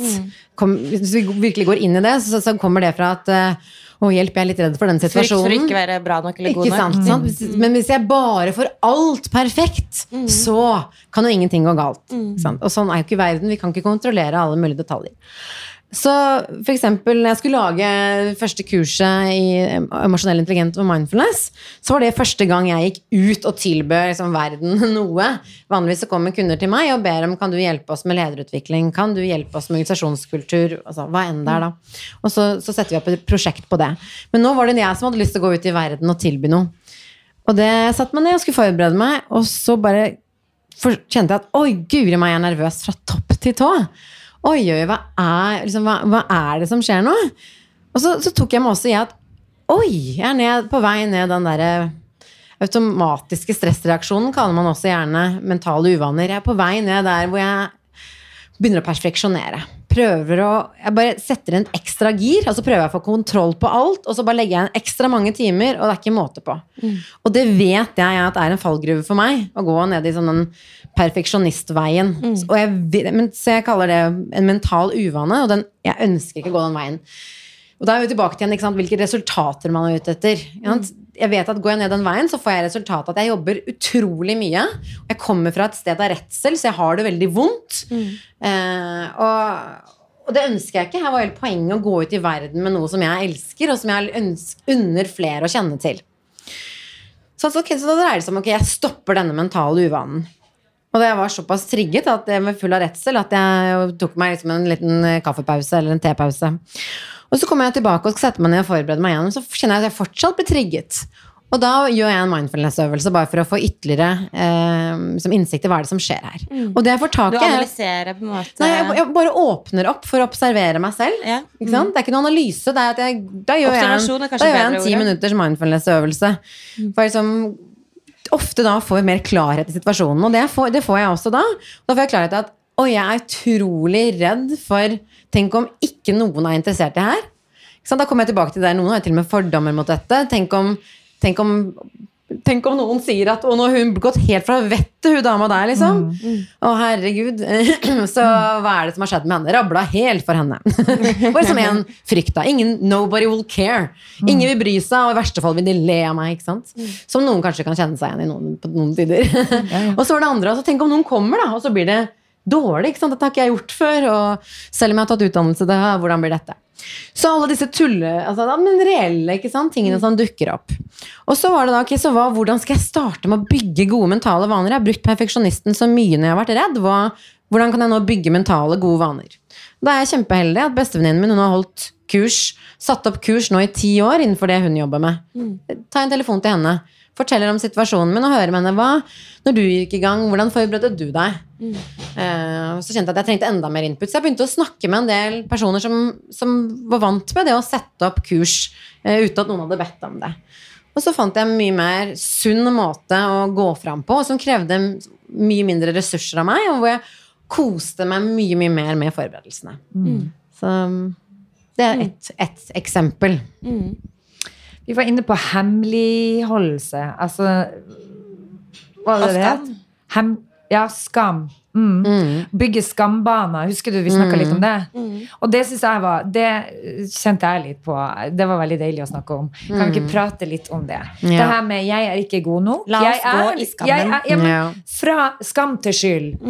Jeg er ikke god nok. Jeg er god nok. Den derre treninga som vi Jeg tror de fleste bør kunne. Med å finne Kan ikke du fortelle litt? Hva, hva, hva, hva snakka vi om, egentlig? Jo. Det var en som spurte om du, hva er forskjellen på skam og skyld? Ja. Og så det er jeg veld, det er veldig glad i det temaet, fordi Ja. at uh, skam er jo en menneskelig følelse. Og, og, og det, de fleste vet, ve- mange vet ikke at det er en helt naturlig, naturlig del av vår følelsespalett å kjenne skam. Og hva, på lik linje med glede, redsel osv. Og, er liksom, så, og hva, hvorfor er det viktig å snakke om skam? Jo, det er viktig å snakke om skam fordi det er så det er utrolig vondt når vi kjenner skam. Og hvorfor er det vondt? Jo, fordi vi dyp, dypest i oss så er vi da redd for at jeg er ikke god nok. Det er ikke bare prestasjonen min jeg er redd for at jeg ikke skal være god nok, men jeg er faktisk redd for at jeg ikke skal være god nok.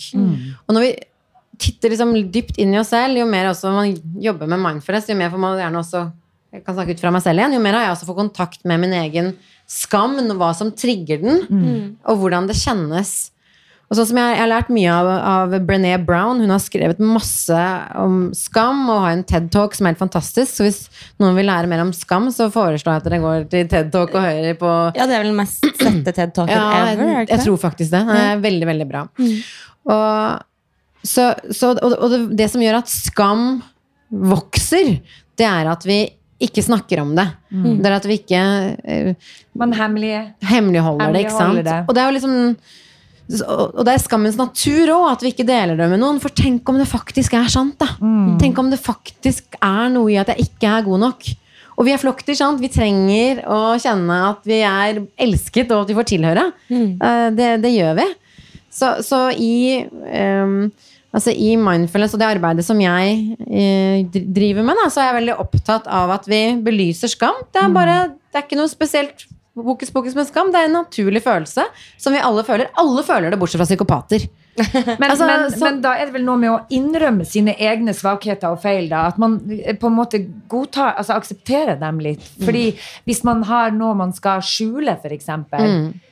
Eh, er det da den blir forsterka, den følelsen? Altså, eller hvis man bare, det her med å være fornøyd med den du er, Mm. lære deg, gå inn i deg sjøl og bli kjent med den du er, og akseptere deg som du er. Mm.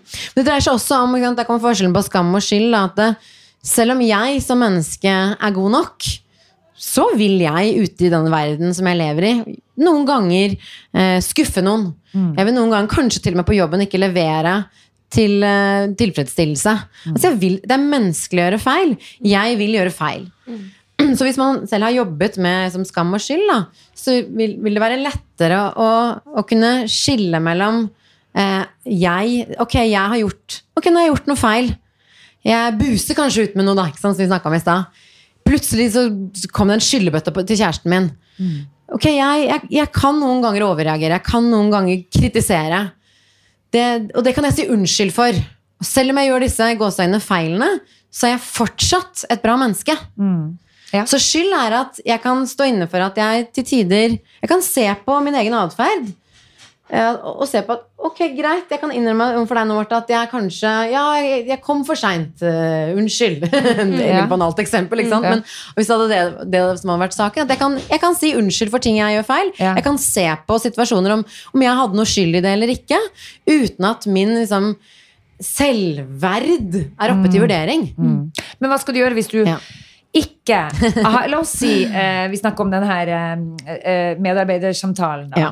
Eh, hva om sjefen hadde en eh, bedriten dag og hadde lyst å bare angripe litt? Hva gjør vi da når vi er i motsatt? Hvordan skal jeg fremdeles, skal jeg fremdeles finne den Skal du ta i deg skiten skiten, Skal jeg liksom? ta imot skiten, eller skal jeg nikke og renne?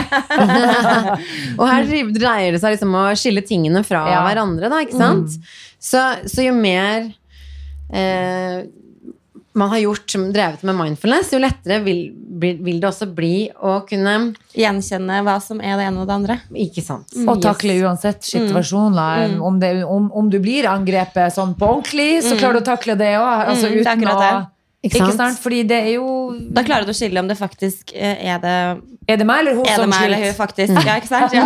Så kan du sitte sjefen Du, de jævla Du, de føler Nei, men da kan du heller tenke Nei, men da kan man heller gå inn og tenke Uff, det blir Dette er hennes problem, Ja. ikke mitt. Og ta det Det, sånn rolig. sliter, her er det noen ting som ikke Nå har hun hatt en dårlig dag. Eh, men da klarer du å på en måte tenke litt sånn fornuftig rundt det uten å gå inn i en Helt i kjelleren med en gang, liksom. ja, Eller hva? Og det kommer jo helt an på det. ikke sant? Det kommer jo også an på din egen dagsform. eh, Og det kommer an på hvor våken du er. Så noen ganger så hvis hvis man selv er en, har, har en dårlig dagsform og bare kjenner at da kommer sjefen inn, og det er en skyllebøtte, og jeg klarer ikke å se opp eller ned, da dreier det seg om å kunne sette ord på at Oi, jeg, jeg hører hva du sier. Um, jeg klarer ikke å ta inn alt dette akkurat nå.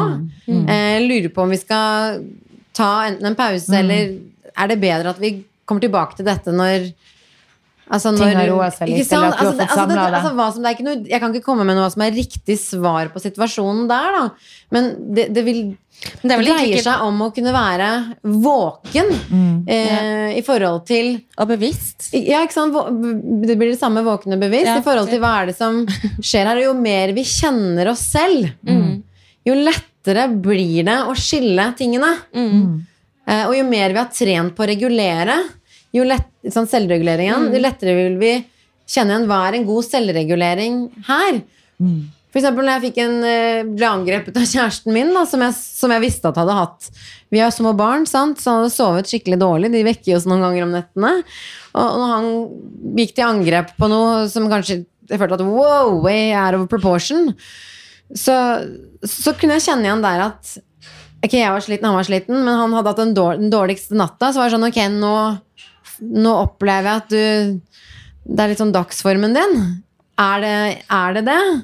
Og han kunne si at ja, sorry, jeg er bare utslett. Og da går det også an å si at kan jeg gjøre noe for deg? Ja, Det synes jeg er et veldig fint eksempel du brukte. eh, Nå husker jeg ikke hvilken sammenheng du kom inn på det på, men du brukte Kristoffer, altså kjæresten din, Ja. i et annet eksempel. Og det, synes jeg, det var nesten som å være i parterapi. Jo, men det, jo, men, Jo, men det det, synes jeg var jeg veldig fin fint. måte. Ja. Du- Det med du å snakket roe om ned den Ja, du ser han. Og det er jo det, det er jo det som er så fint, at man da Gjerne gjenfortell den historien. For jeg Ja. synes den var så Ja, kanskje jeg heller kan bruke meg selv som eksempel, i og med at dette her er en podkast til Ja. mange mennesker.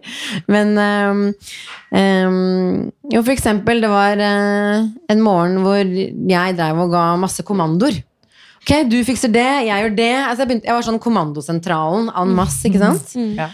Og så, det er jo, For de fleste så er ikke det sånn veldig kom komfortabelt å være, være under det diktaturet. Og da var det han som sa til meg bare Wow, hva er det som skjer med deg? Eh, ikke sant? Du, er du klar over nå at du bare sender kommandoer i alle retninger? Så bare Nei, nei, nå må vi være effektive, vi må komme oss ut døren her. Sier jeg, ikke sant. Skyter fra hofta. Og så tar jeg meg i det at jeg er, jeg kjenner, jeg er full av stress fordi jeg skal gjøre noe den dagen på jobben som, jeg, som er nytt for meg. Så jeg er nervøs, da, ikke sant? som er helt menneskelig, naturlig reaksjon. Så, jeg, så da får jeg litt sånn flush av flauhet. Bare Oi, jo, det, det er sant. Jeg, er, jeg er rett og slett litt stresset jeg, for det som skal skje senere i dag. Sånn, beklager. Eh, og Jeg kjenner meg så igjen i det. ikke sant? Så det er også ofte da, hvis vi er i altså jo dårligere, det er Pappaen min faktisk pleier alltid å si at jo mer stressa vi er, jo dummere blir vi. Og, og, og er primærbehovene ikke So true. dekket, ikke sant? Ja, sånn, så blir vi bare enda dummere. Sant? Jeg er sulten eller har ikke sovet eller hva det nå er. Så, Det er så, gøy, for vi satt og tenkte på det. Når du, når du fortalte det her, så sa vi begge så, så, så sier jeg Gud, stakkars Christian. Og du bare Stakkars Magnus. ja. Så vi begge bare Å, Gud, jeg kan kjenne meg så igjen. Nei, men det som, det som jeg synes du sa som var så fint, var egentlig hvordan man reagerer på når man ser at den andre eh, kanskje ikke har en helt topp dag. Eh, at man da faktisk med å gjøre de øvelsene her, så kanskje man blir litt mer bevisst på at ok, det mennesket her har det faktisk jeg kanskje ikke har sin beste eh, øyeblikk akkurat nå.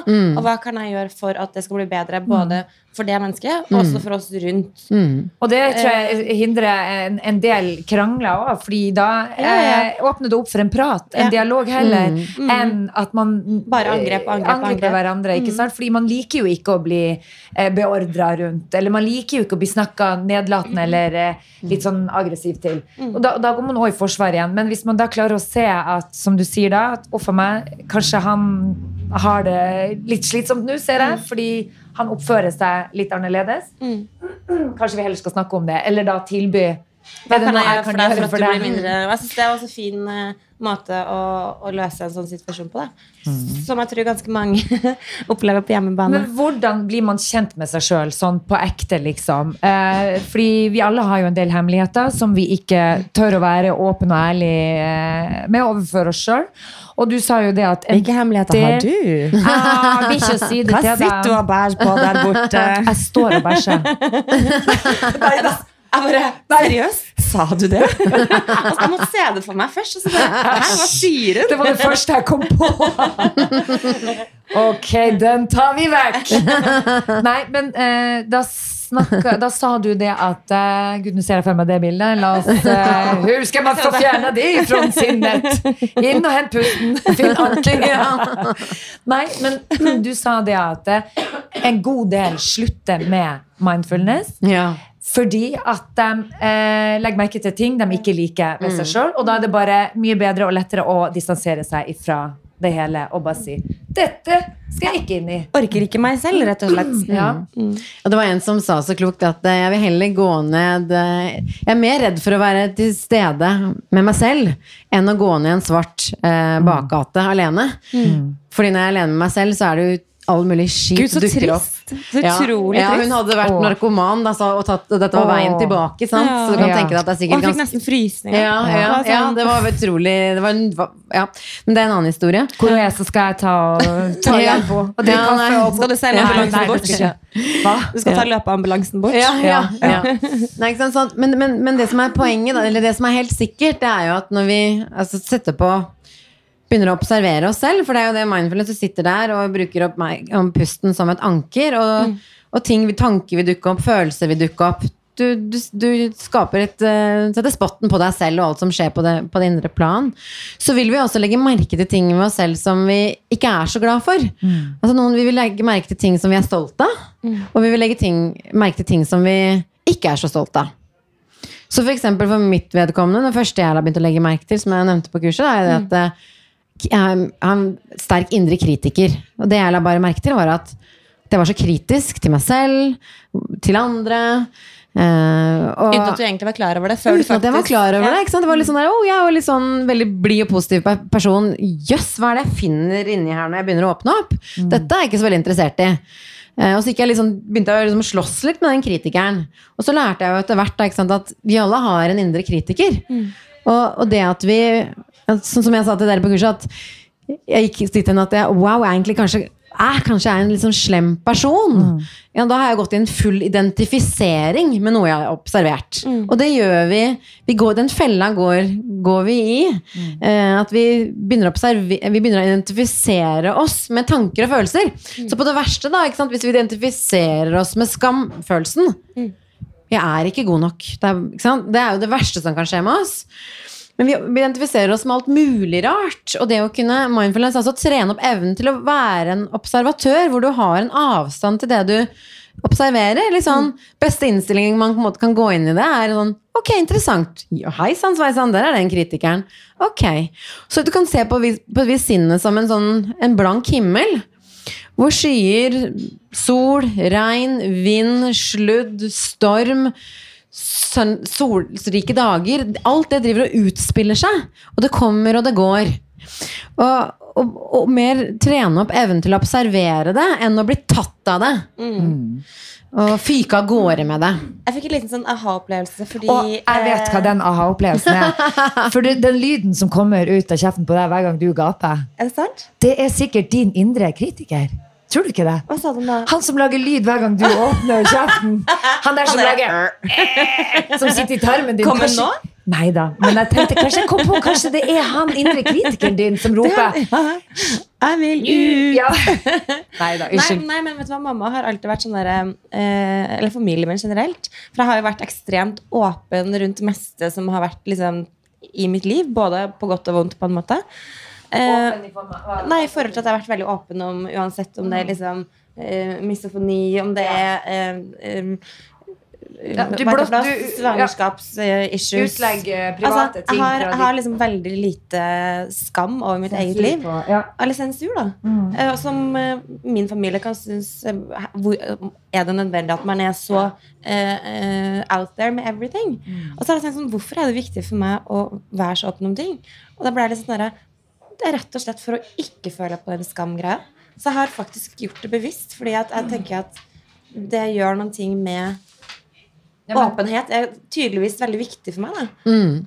Men der igjen, jeg føler jo at jeg er litt lik deg til en viss grad. Også, jeg har også heller ikke så veldig sensur på, og mange ganger så tenker jeg sånn eh, jo, der burde jeg faktisk ha vurdert eh, hvorfor skulle jeg si det til henne, for jeg kjenner ikke henne så godt. Det er ikke sikkert hun vil meg så godt som jeg tror hun kanskje vil.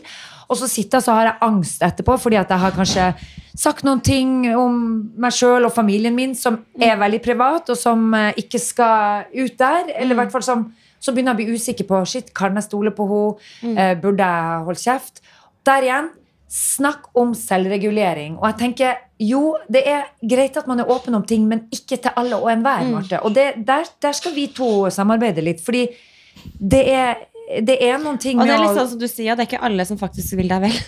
Mens Overhodet jeg, jeg kan være veldig naiv der, for jeg tenker jo faktisk at alle Ja. vil en vel. jeg. Ja, men det vil de Og, ikke, og det, Marte. Og det, merker sånn man jo ganske mange ganger at det, sånn er det jo faktisk ikke. Nei. Eh, for, faktisk, faktisk opplevde jeg ganske nylig. Så, så Mm. Nei, men jeg tror jeg man det, må, vi man må jobbe litt med selvregulering der. Og det, for det ofte så kan det være min dårlige selv, uh, selvtillit. Det er det at jeg er så stor i gapet, snakke på inn- og utpust. Det er jo eh, Det kan være gøy til tider, men det også eh, gir meg en, en dårlig selvtillit når jeg vet at jeg har at jeg har sittet og jobba i ett, og åpna meg opp som ei åpen bok uten eh, noe sensur. Og da går jeg hjem etterpå, og så bruker jeg lang tid på å få fjerna den angsten. Men kanskje med mindfulness, at du klarer liksom å Selvregulere. ja, regulere på forhånd, og at du på en måte vet at ok, nå går jeg i den modusen. Stopp opp, Bare- kjenne litt på at Ta en pause. Skal jeg virkelig gå dit eller dit? På en Mm. måte. La hun komme til ordet nå, så kanskje du eh, kjenner at du trenger ikke å komme med neste setning. Den kan du bare la ligge. Men det som jeg syns har vært så eh, Jeg har lyst til Jeg vet ikke om vi skal gjøre det nå. Kanskje vi rekker å prate litt til. Hvor mye tid har vi igjen? Vi må nesten begynne å avslutte ganske snart. Men jeg har i hvert fall lyst til å avslutte podden eh, med at Kristine guider oss gjennom en liten meditasjonsrunde. Ja. Eh, og jeg må innrømme jeg var litt stressa første gangen vi skulle gjøre det. Fordi jeg, blir, jeg kan bli litt sånn rastløs og stressa, og når noen sier nå skal vi sitte her i tre minutter og puste. ja, ja, men vi satt i 20 minutter, det er veldig det var 20 minutter. Da fikk jeg helt panikk i starten. Ja. Og jeg gikk fra å ha panikk i starten til jeg kjenne sånn Gud, Da gikk jeg i flight mode. Ja. Da får jeg lyst til å bare løpe ut og ta rennafart. Fordi jeg ikke har klokke, for vi skal lukke øynene. ikke sant? Så du har ikke, du har ikke peiling på hvor lang tid man har sittet der og, og pusta. Jeg fikk jo panikk når, magen din begynte å rumle. For hun hadde jo ikke spist frokost. Så, begynte, så plutselig så begynner hun ved siden av meg igjen. Så tenkte jeg, min, Og det er sånn typisk når det er hos tannlegen eller skal drive på med noe yoga, hvor du legger deg nedpå, og alle er helt stille, så tenker jeg ja, flott, nå begynner magen min å synge. Det syns jo jeg er så flaut. Og så går hun og henter et par nøtter bare for å knase litt inn i, når vi skulle være stille. Og ikke nok med det, men du tok deg en tyggis da, så jeg la beit meg merke i at hun Marte som aldri har tyggis, hun tok tyggisen hun når vi skulle meditere. men ikke sant, Kanskje jeg får noe sånn Jeg husker det ikke engang. Da, da, er sikkert, da går jeg i en sånn nervøsitet, og da gjør jeg masse Nervøsitet? Jeg går i nervøsitet.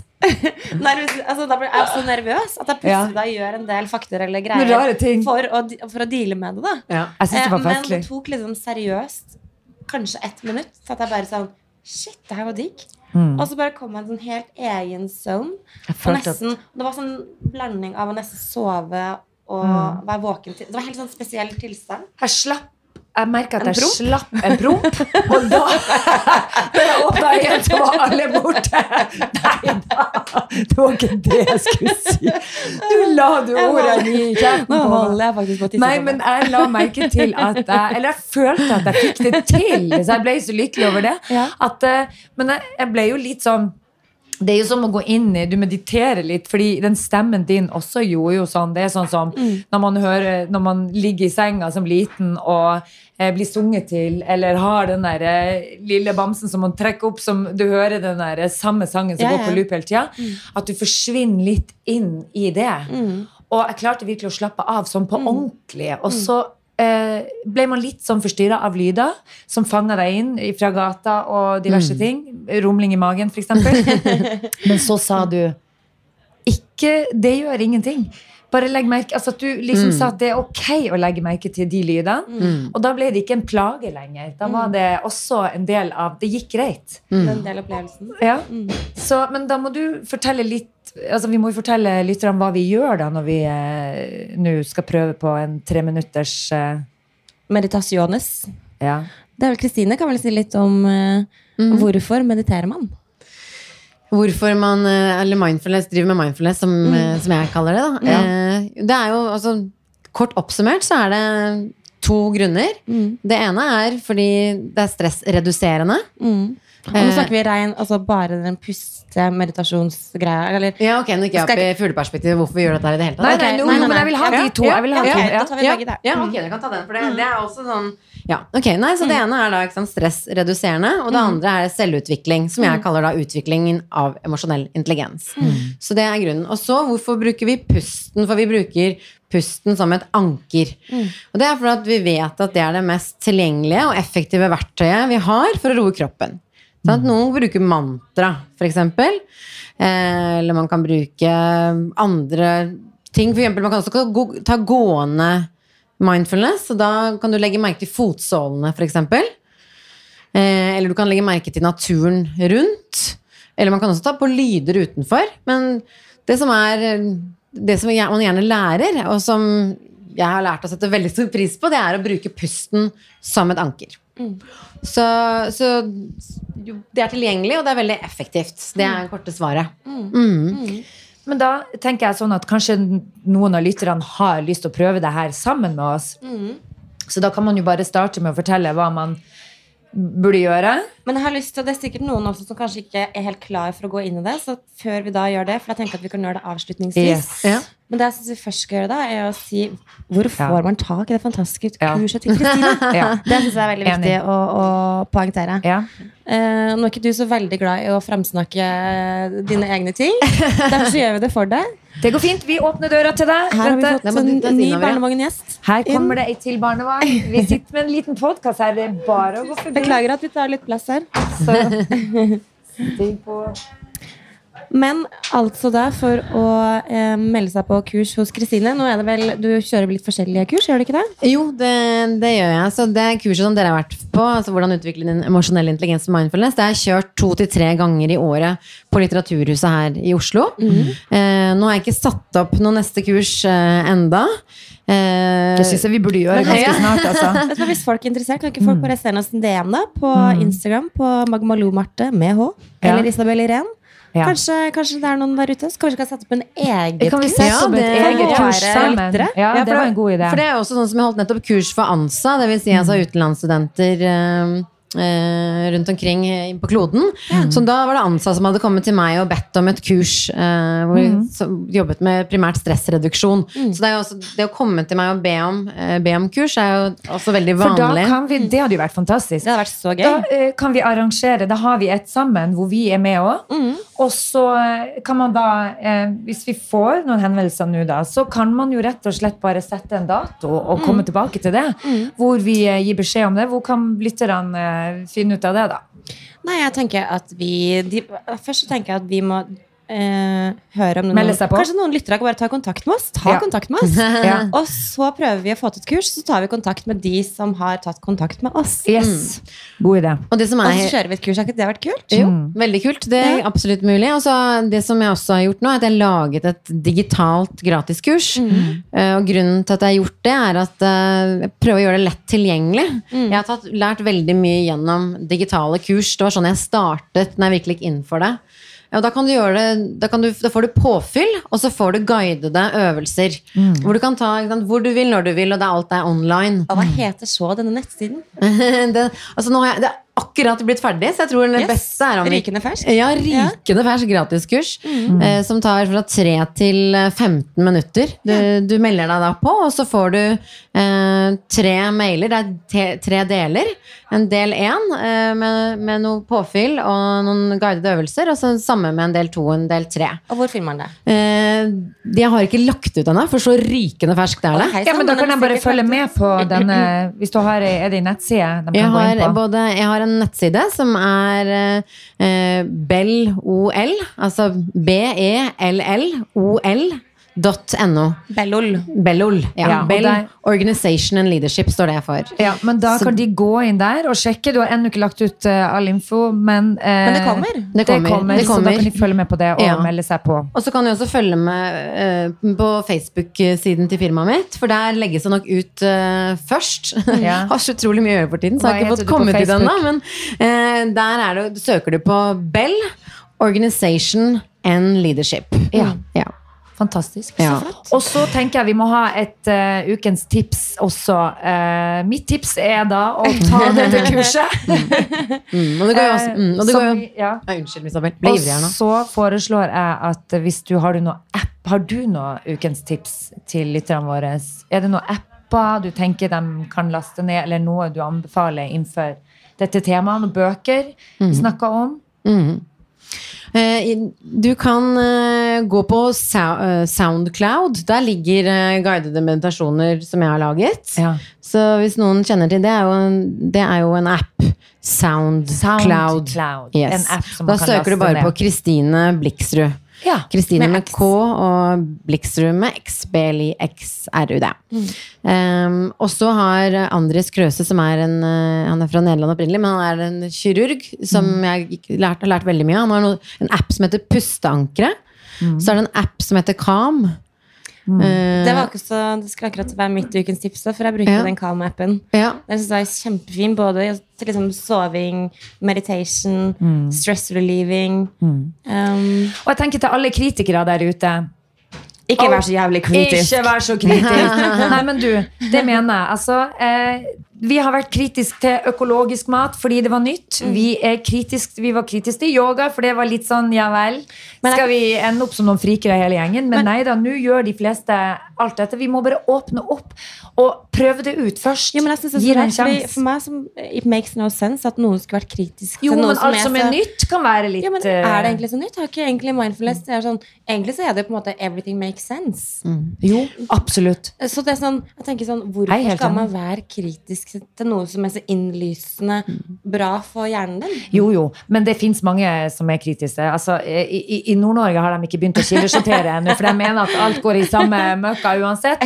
Så det, det, er jo noe som henger litt etter. Jeg føler at jeg har gjort det. Jeg har hørt mye om mindfulness, og det er veldig mange som har anbefalt meg å faktisk ta et kurs. Eh, eller laste ned en app. Og jeg er har ikke vært kritisk til det. Jeg har bare ikke fått fingeren ut. Men jeg er så glad for at jeg har uh, fått være med på uh, denne, dette kurset her. Og det har virkelig åpna opp for mersmak, altså. Dette skal eh, fortsette. Jeg er enig. Jeg synes jeg, Og i en hektisk hverdag, et hektisk liv, liv, er dette virkelig et behov, altså, for de fleste. Og de som har, altså, har behov for bevis Jeg, er, jeg er den typen da, Ja. som har behov for bevis mm. eh, for å gå inn i noe. For det krever at man går litt inn i det. Så, så de forskningen de siste tiårene altså, den beviser for oss at det fungerer. Så vi har, vi har mange bevis. Og jeg, synes, jeg er veldig glad for det. det er ikke bare svada. Det er, ikke, altså det, er, det, er, det er testet, Uh, så vi har forskning som, som støtter det, på lik linje som vi har forskning som støtter at fysisk trening Ja. eh, fungerer. Så, og det viser seg også det at gå, gå inn i dette med litt sånn sunn skepsis, det, det er bare bra. Det kan potensielt gi enda bedre resultater. Ja. Så det er ikke noe å være så spesielt Nei. redd for det. Men det er også noe av det Jeg hadde selv fordommer mot det, så jeg vet hvordan det kan kjennes, og hvordan det kan stå i veien. Så det er også noe av det som jeg belyser i det digitale gratiskurset. Liksom hva som er typiske fordommer, og, og så da dis ha litt diskusjon rundt de. Og kanskje kan det være oppklarende. Det har vært oppklarende for meg. Men hvor eh, ofte bør man gjøre det her for å få en effekt? Eh, og der liker jeg egentlig innmari Tenk, godt tenker du da spesielt på pusteøvelse? Puste, ja. mm. ja. Jeg liker innmari godt svaret til eh, Altså, Google har jobba masse eh, med dette her. De samarbeidet bl.a. med Daniel Goleman, som jeg, som jeg nevnte i forbindelse med emosjonell intelligens. Så de satte opp Det sparte egentlig som en sånn eh, spøk. Eh, search inside yourself. Eh, det var, men det endte opp Search er gøy. ja, ikke sant? Ja. Ikke sant? Så det, men det endte opp Artig med ordspill der. Yes, det var moro der, gitt. Men de endte opp å bruke det, for det, ja, det funker jo. Mm. Så de, har jo, de startet med et internt kurs, kurs som het Search Inside Yourself. Mm. Eh, og, og han Meng, som han kaller seg, han har et litt komplisert navn, han som er liksom mannen bak det, han sier så fint at når du skal starte med mindfulness, altså legg ambisjonsnivået litt under det du klarer. Ja. Så klarer du tre minutter, så start med to, da. Mm. Eh, det er samme som når du skal begynne med fysisk trening. Det har du ikke Har du lyst til å begynne med jogging, Mm. så, så, ta, så start med en kort joggetur, da, Mm. så tester du ut hva som funker. Og så er det jo lett å bli veldig gira, ikke sant? og så setter man ambisjonsnivået veldig. Så, men heller kanskje øke gradvis. Så Mm. det, det er én tilnærming. En annen tilnærming er å eh, som, som var min tilnærming når jeg som virkelig kom i gang med dette, var at jeg vet at jeg vil dette.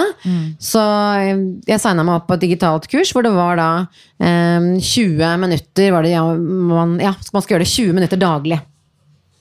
Og det som jeg syntes var fint med det, var at eh, jeg klarte liksom å bruke selvdisiplinen min til å gjøre det, og da fikk jeg en veldig kjapt effekt. Så når jeg da en periode ikke gjorde det, så kjente jeg at jeg savnet utbyttet som jeg hadde hatt, og, så, og så begynte jeg igjen. Så Det er litt det samme som jeg har på yogaen. Altså Hvis jeg ikke trener for trent, så får jeg så innmari vondt i kroppen. Og trener jeg yoga, så er det bare sånn åh, gud så deilig. Ja. Men som jeg har hørt sånn forskere, eh, noen sier at uh, du kan ta, man kan ta Mengs tilnærming til dette. ikke sant? Legge ambisjonsnivået litt under det du klarer. Eller du kan bestemme deg for eh, Altså bestemme deg for 10 eller 20 minutter, eksempel. Eh, eller for å eksperimentere. Så jeg har hørt noen forskere diskutere om 10 minutter om dagen er nok, eller om Ja. du må ha 20. Ja, det blir en sånn, jeg tenker at det er litt sånn samme det. Altså, det, dette her er et personlig eksperiment der du er laboratoriet. Mm. Ta, samme som med fysisk trening. Det er ikke noe riktig svar akkurat Nei. hva som er rett for deg. deg og Noen vil trene en halvtime den dagen. Ikke sant? Noen, Noen trener en time. Ja, ikke sant? Mm. Så alt, alt hjelper. Alt hjelper. Det var en toppsjef som var sånn Jeg fatter ikke hvordan jeg skal få, få det inn i timeplanen min. Ok, nei, men Stå og vent. Ta, gå til pusten mens du venter på kaffen da, på jobb. Så det begynte hun med. Så hun begynte å, Da ble det hennes liksom påminnelse om at nå skal jeg gå til Og du bussen. sa at du gjorde det når du kjørte bil, uten å ut, Uten å lukke, uten å lukke øynene, for guds skyld, for det kan gå gærent. Men da er vi jo inne på den uformelle treningen. Men så er det også det at nå har jeg trent så mye at det, altså, Hvorfor trener vi mentaltrening? Jo, det er jo for livet. Det er ikke fordi det i seg selv er så fantastisk eller gøy, eller noe. Det er jo for, for livet vi lever. Så, og etter, jo mer eh, mann eller jeg trener, jo mer går jeg også til pusten, for da vet jeg at det er et sted jeg kan finne ro. Det er liksom som å sette seg selv inn i altså, Som lader mobilen, da, så lader du deg selv. Så for meg, etter eksempelet da, var at jeg hadde jobbet intensivt med et prosjekt i to dager og var på vei hjem. Og da kjente jeg at liksom, systemet var litt sånn overopphetet, og da da valgte jeg mens jeg kjørte å ikke skru på radioen, ikke gjør, ta noen telefoner. Jeg bare satt og var med veien og, og med pusten min.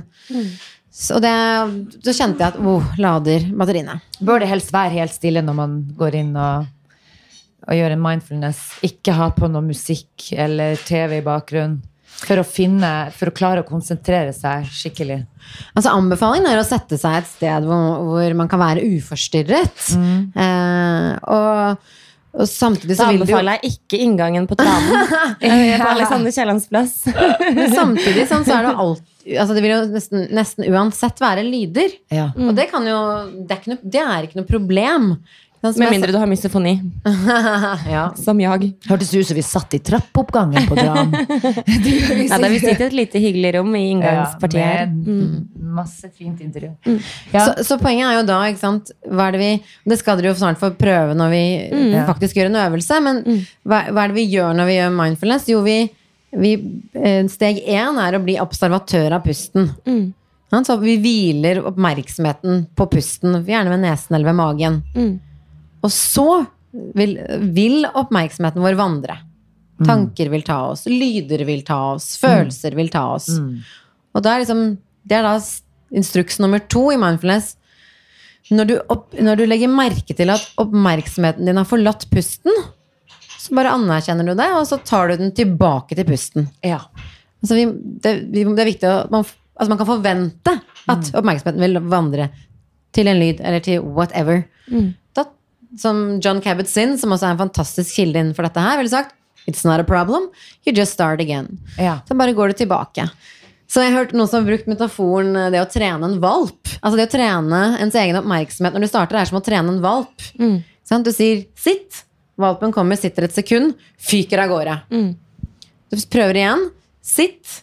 Den kommer tilbake, sitter, og så fyker av gårde igjen. Og, og det vi har en tendens til å gjøre, da, er at vi, når vi, oppmerksomheten vår vandrer, er at vi går løs på oss selv. Og er det mulig? Eller vi kan gå løs på valpen. Å, kom igjen, da, nå gidder jeg ikke at du ikke? Altså, Men det funker ikke. Nei. Så det er en viktig del av mindfulness at vi prøver å være eh, non-judgmental, som John Cabot-Zinn sier i sin definisjon. Eller som vi gjerne sier på norsk, nøytralt til stede. Ja, vi prøver å være nøytralt til stede. Så hvis vi catcher oss at oppmerksomheten har vandret, så catcher vi oss i at oppmerksomheten har ikke vært på pusten i det hele tatt, ok, da prøver vi å ikke lage noe drama ut av det. Da bare starter vi Bare gå tilbake til pusten. Så oppmerksomheten skal være på pusten, og ikke eh, der ute. Men hvis du eh, havner litt uti der med tankene dine, så er det greit. Som man gjør. Så, men å være bevisst på det, og hente deg inn igjen Men det til er vel fokus også av pust. Selve clouet er jo da når man gjør den hentinga av Ja. på en måte Det er jo da du har begynt å da du mestre. Ja. Det er liksom som Det er bil- der treningen ligger. Yes. Så det er ikke en konkurranse i å klare å ha oppmerksomheten på pusten. Nei. Og det er det er ikke det noe, og det er ikke noe om hvis oppmerksomheten vandrer, men det dreier seg om når oppmerksomheten vandrer. Ja. Ja. Da bringer du den tilbake. Ja. Mm. For når for den Først gjør må vi det. si tusen takk til Kristine som Ja, kom i vårt lille provisoriske lille studio Ja. på Tranen. Men det var veldig koselig å Det podde på Tranen. Det må vi gjøre mer, merker jeg. Skal vi ta med oss podutstyr og, og vandre litt rundt? Vi kan podvandre, vi. Ja. Ikke noe problem. Tusen var- takk, Kristine, for at du kom. Ja, her var kjempegøy å være nyttig, nyttig lærdom, også for lytterne våre. Håper. jeg. ja.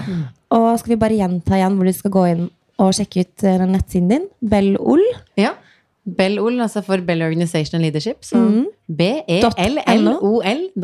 Ja. Mm. Der legges det ut etter hvert. Men der kan vi også finne mer informasjon om emosjonell intelligens og mindfulness. Ja. Ja, superdupert. Og da skal vi rett og slett gå over i en øvelse Ja. som du skal guide oss gjennom. Ja. Og for dere lyttere som er skeptiske, kan dere gjerne skru på av-knappen. Ja. Men hadde jeg vært dere, så hadde jeg villet fulgt med. For det er ganske nice. Mm. Og vi tar den korteste versjonen. Vi tar Vi, skal ikke, vi korteste stiller ikke 20 minutter. Nei. Nei, da tar vi tre minutter. Det er det vi Ja. går for, ikke sant? Tre Ja. Og da sitter vi på stolen, må Da vi jo si. stolen. Ja. Og det går an, dette kan man gjøre både stående, sittende eller liggende. Du kan jo forklare hvordan man skal sitte. Da. Mm, det kan jeg gjøre. Ja, vi starter. Så hvis da vi tar utgangspunkt i at nå at vi, de som er med, sitter, og hvis man ligger, så er det egentlig bare å legge seg godt til rette. Mhm. Så sittende, så bare kjenne at uh, man er lik vekk på begge rumpeballer. Ja. Ikke sant? Og så hviler begge fotsålene mot gulvet. Så sitter vi med naturlig svai i ryggen. Og liksom, jeg synes ofte det er greit å starte med bare å rulle skuldrene bakover. Og så la hendene falle ned i fanget.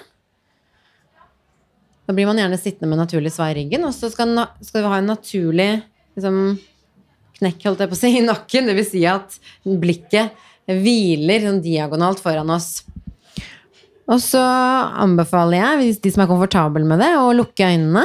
Hvis man syns det er ukomfortabelt, så anbefaler jeg bare å hvile blikket på et eh, punkt diagonalt foran deg. Og så starter vi med å bli observatører av pusten. Så, så start med å finne pusten. Hvor er det du lettest kan kjenne pusten?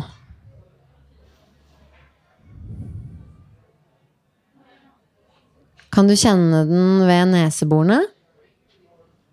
Som fylles og tømmes for luft?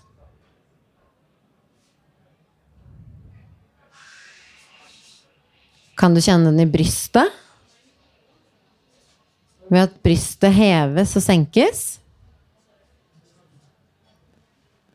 Så kan du også undersøke om du kan kjenne den i magen. Da kan det være nyttig å legge en hånd på magen og se om du kan kjenne at magen fylles og tømmes for luft.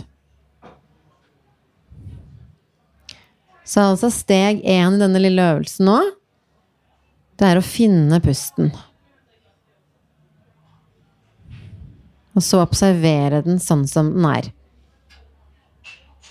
Så vi skal altså ikke styre pusten, vi skal ikke endre den, vi skal observere den akkurat sånn som den er.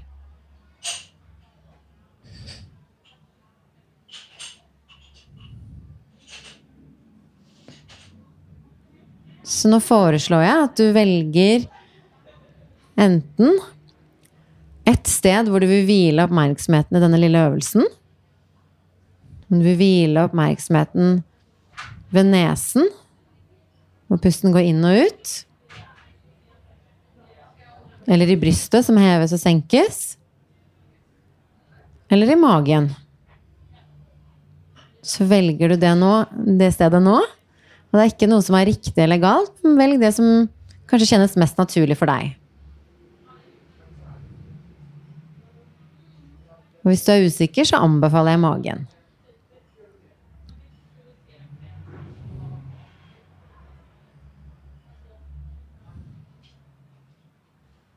Så vi er nå i væremodus, der vi observerer pusten slik den er. Vi skal ikke endre på noe. Vi skal være med pusteprosessen akkurat slik den er.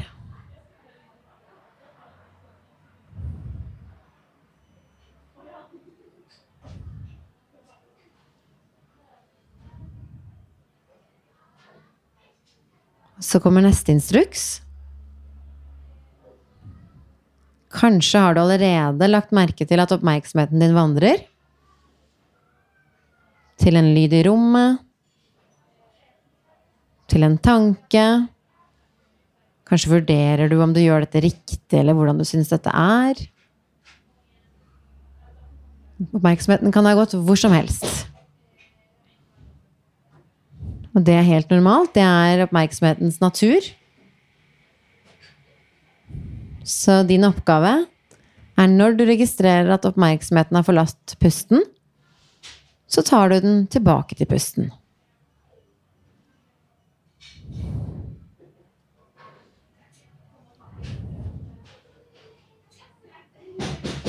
Så nå sitter vi de siste 30 sekundene og hviler oppmerksomheten på pusteankeret, som vi kaller det, ved nesen eller magen. Og når oppmerksomheten forlater pusteankeret,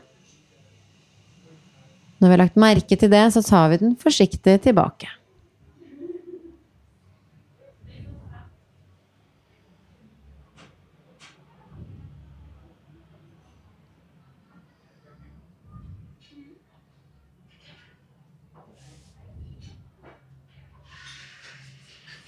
Husk pusteankeret.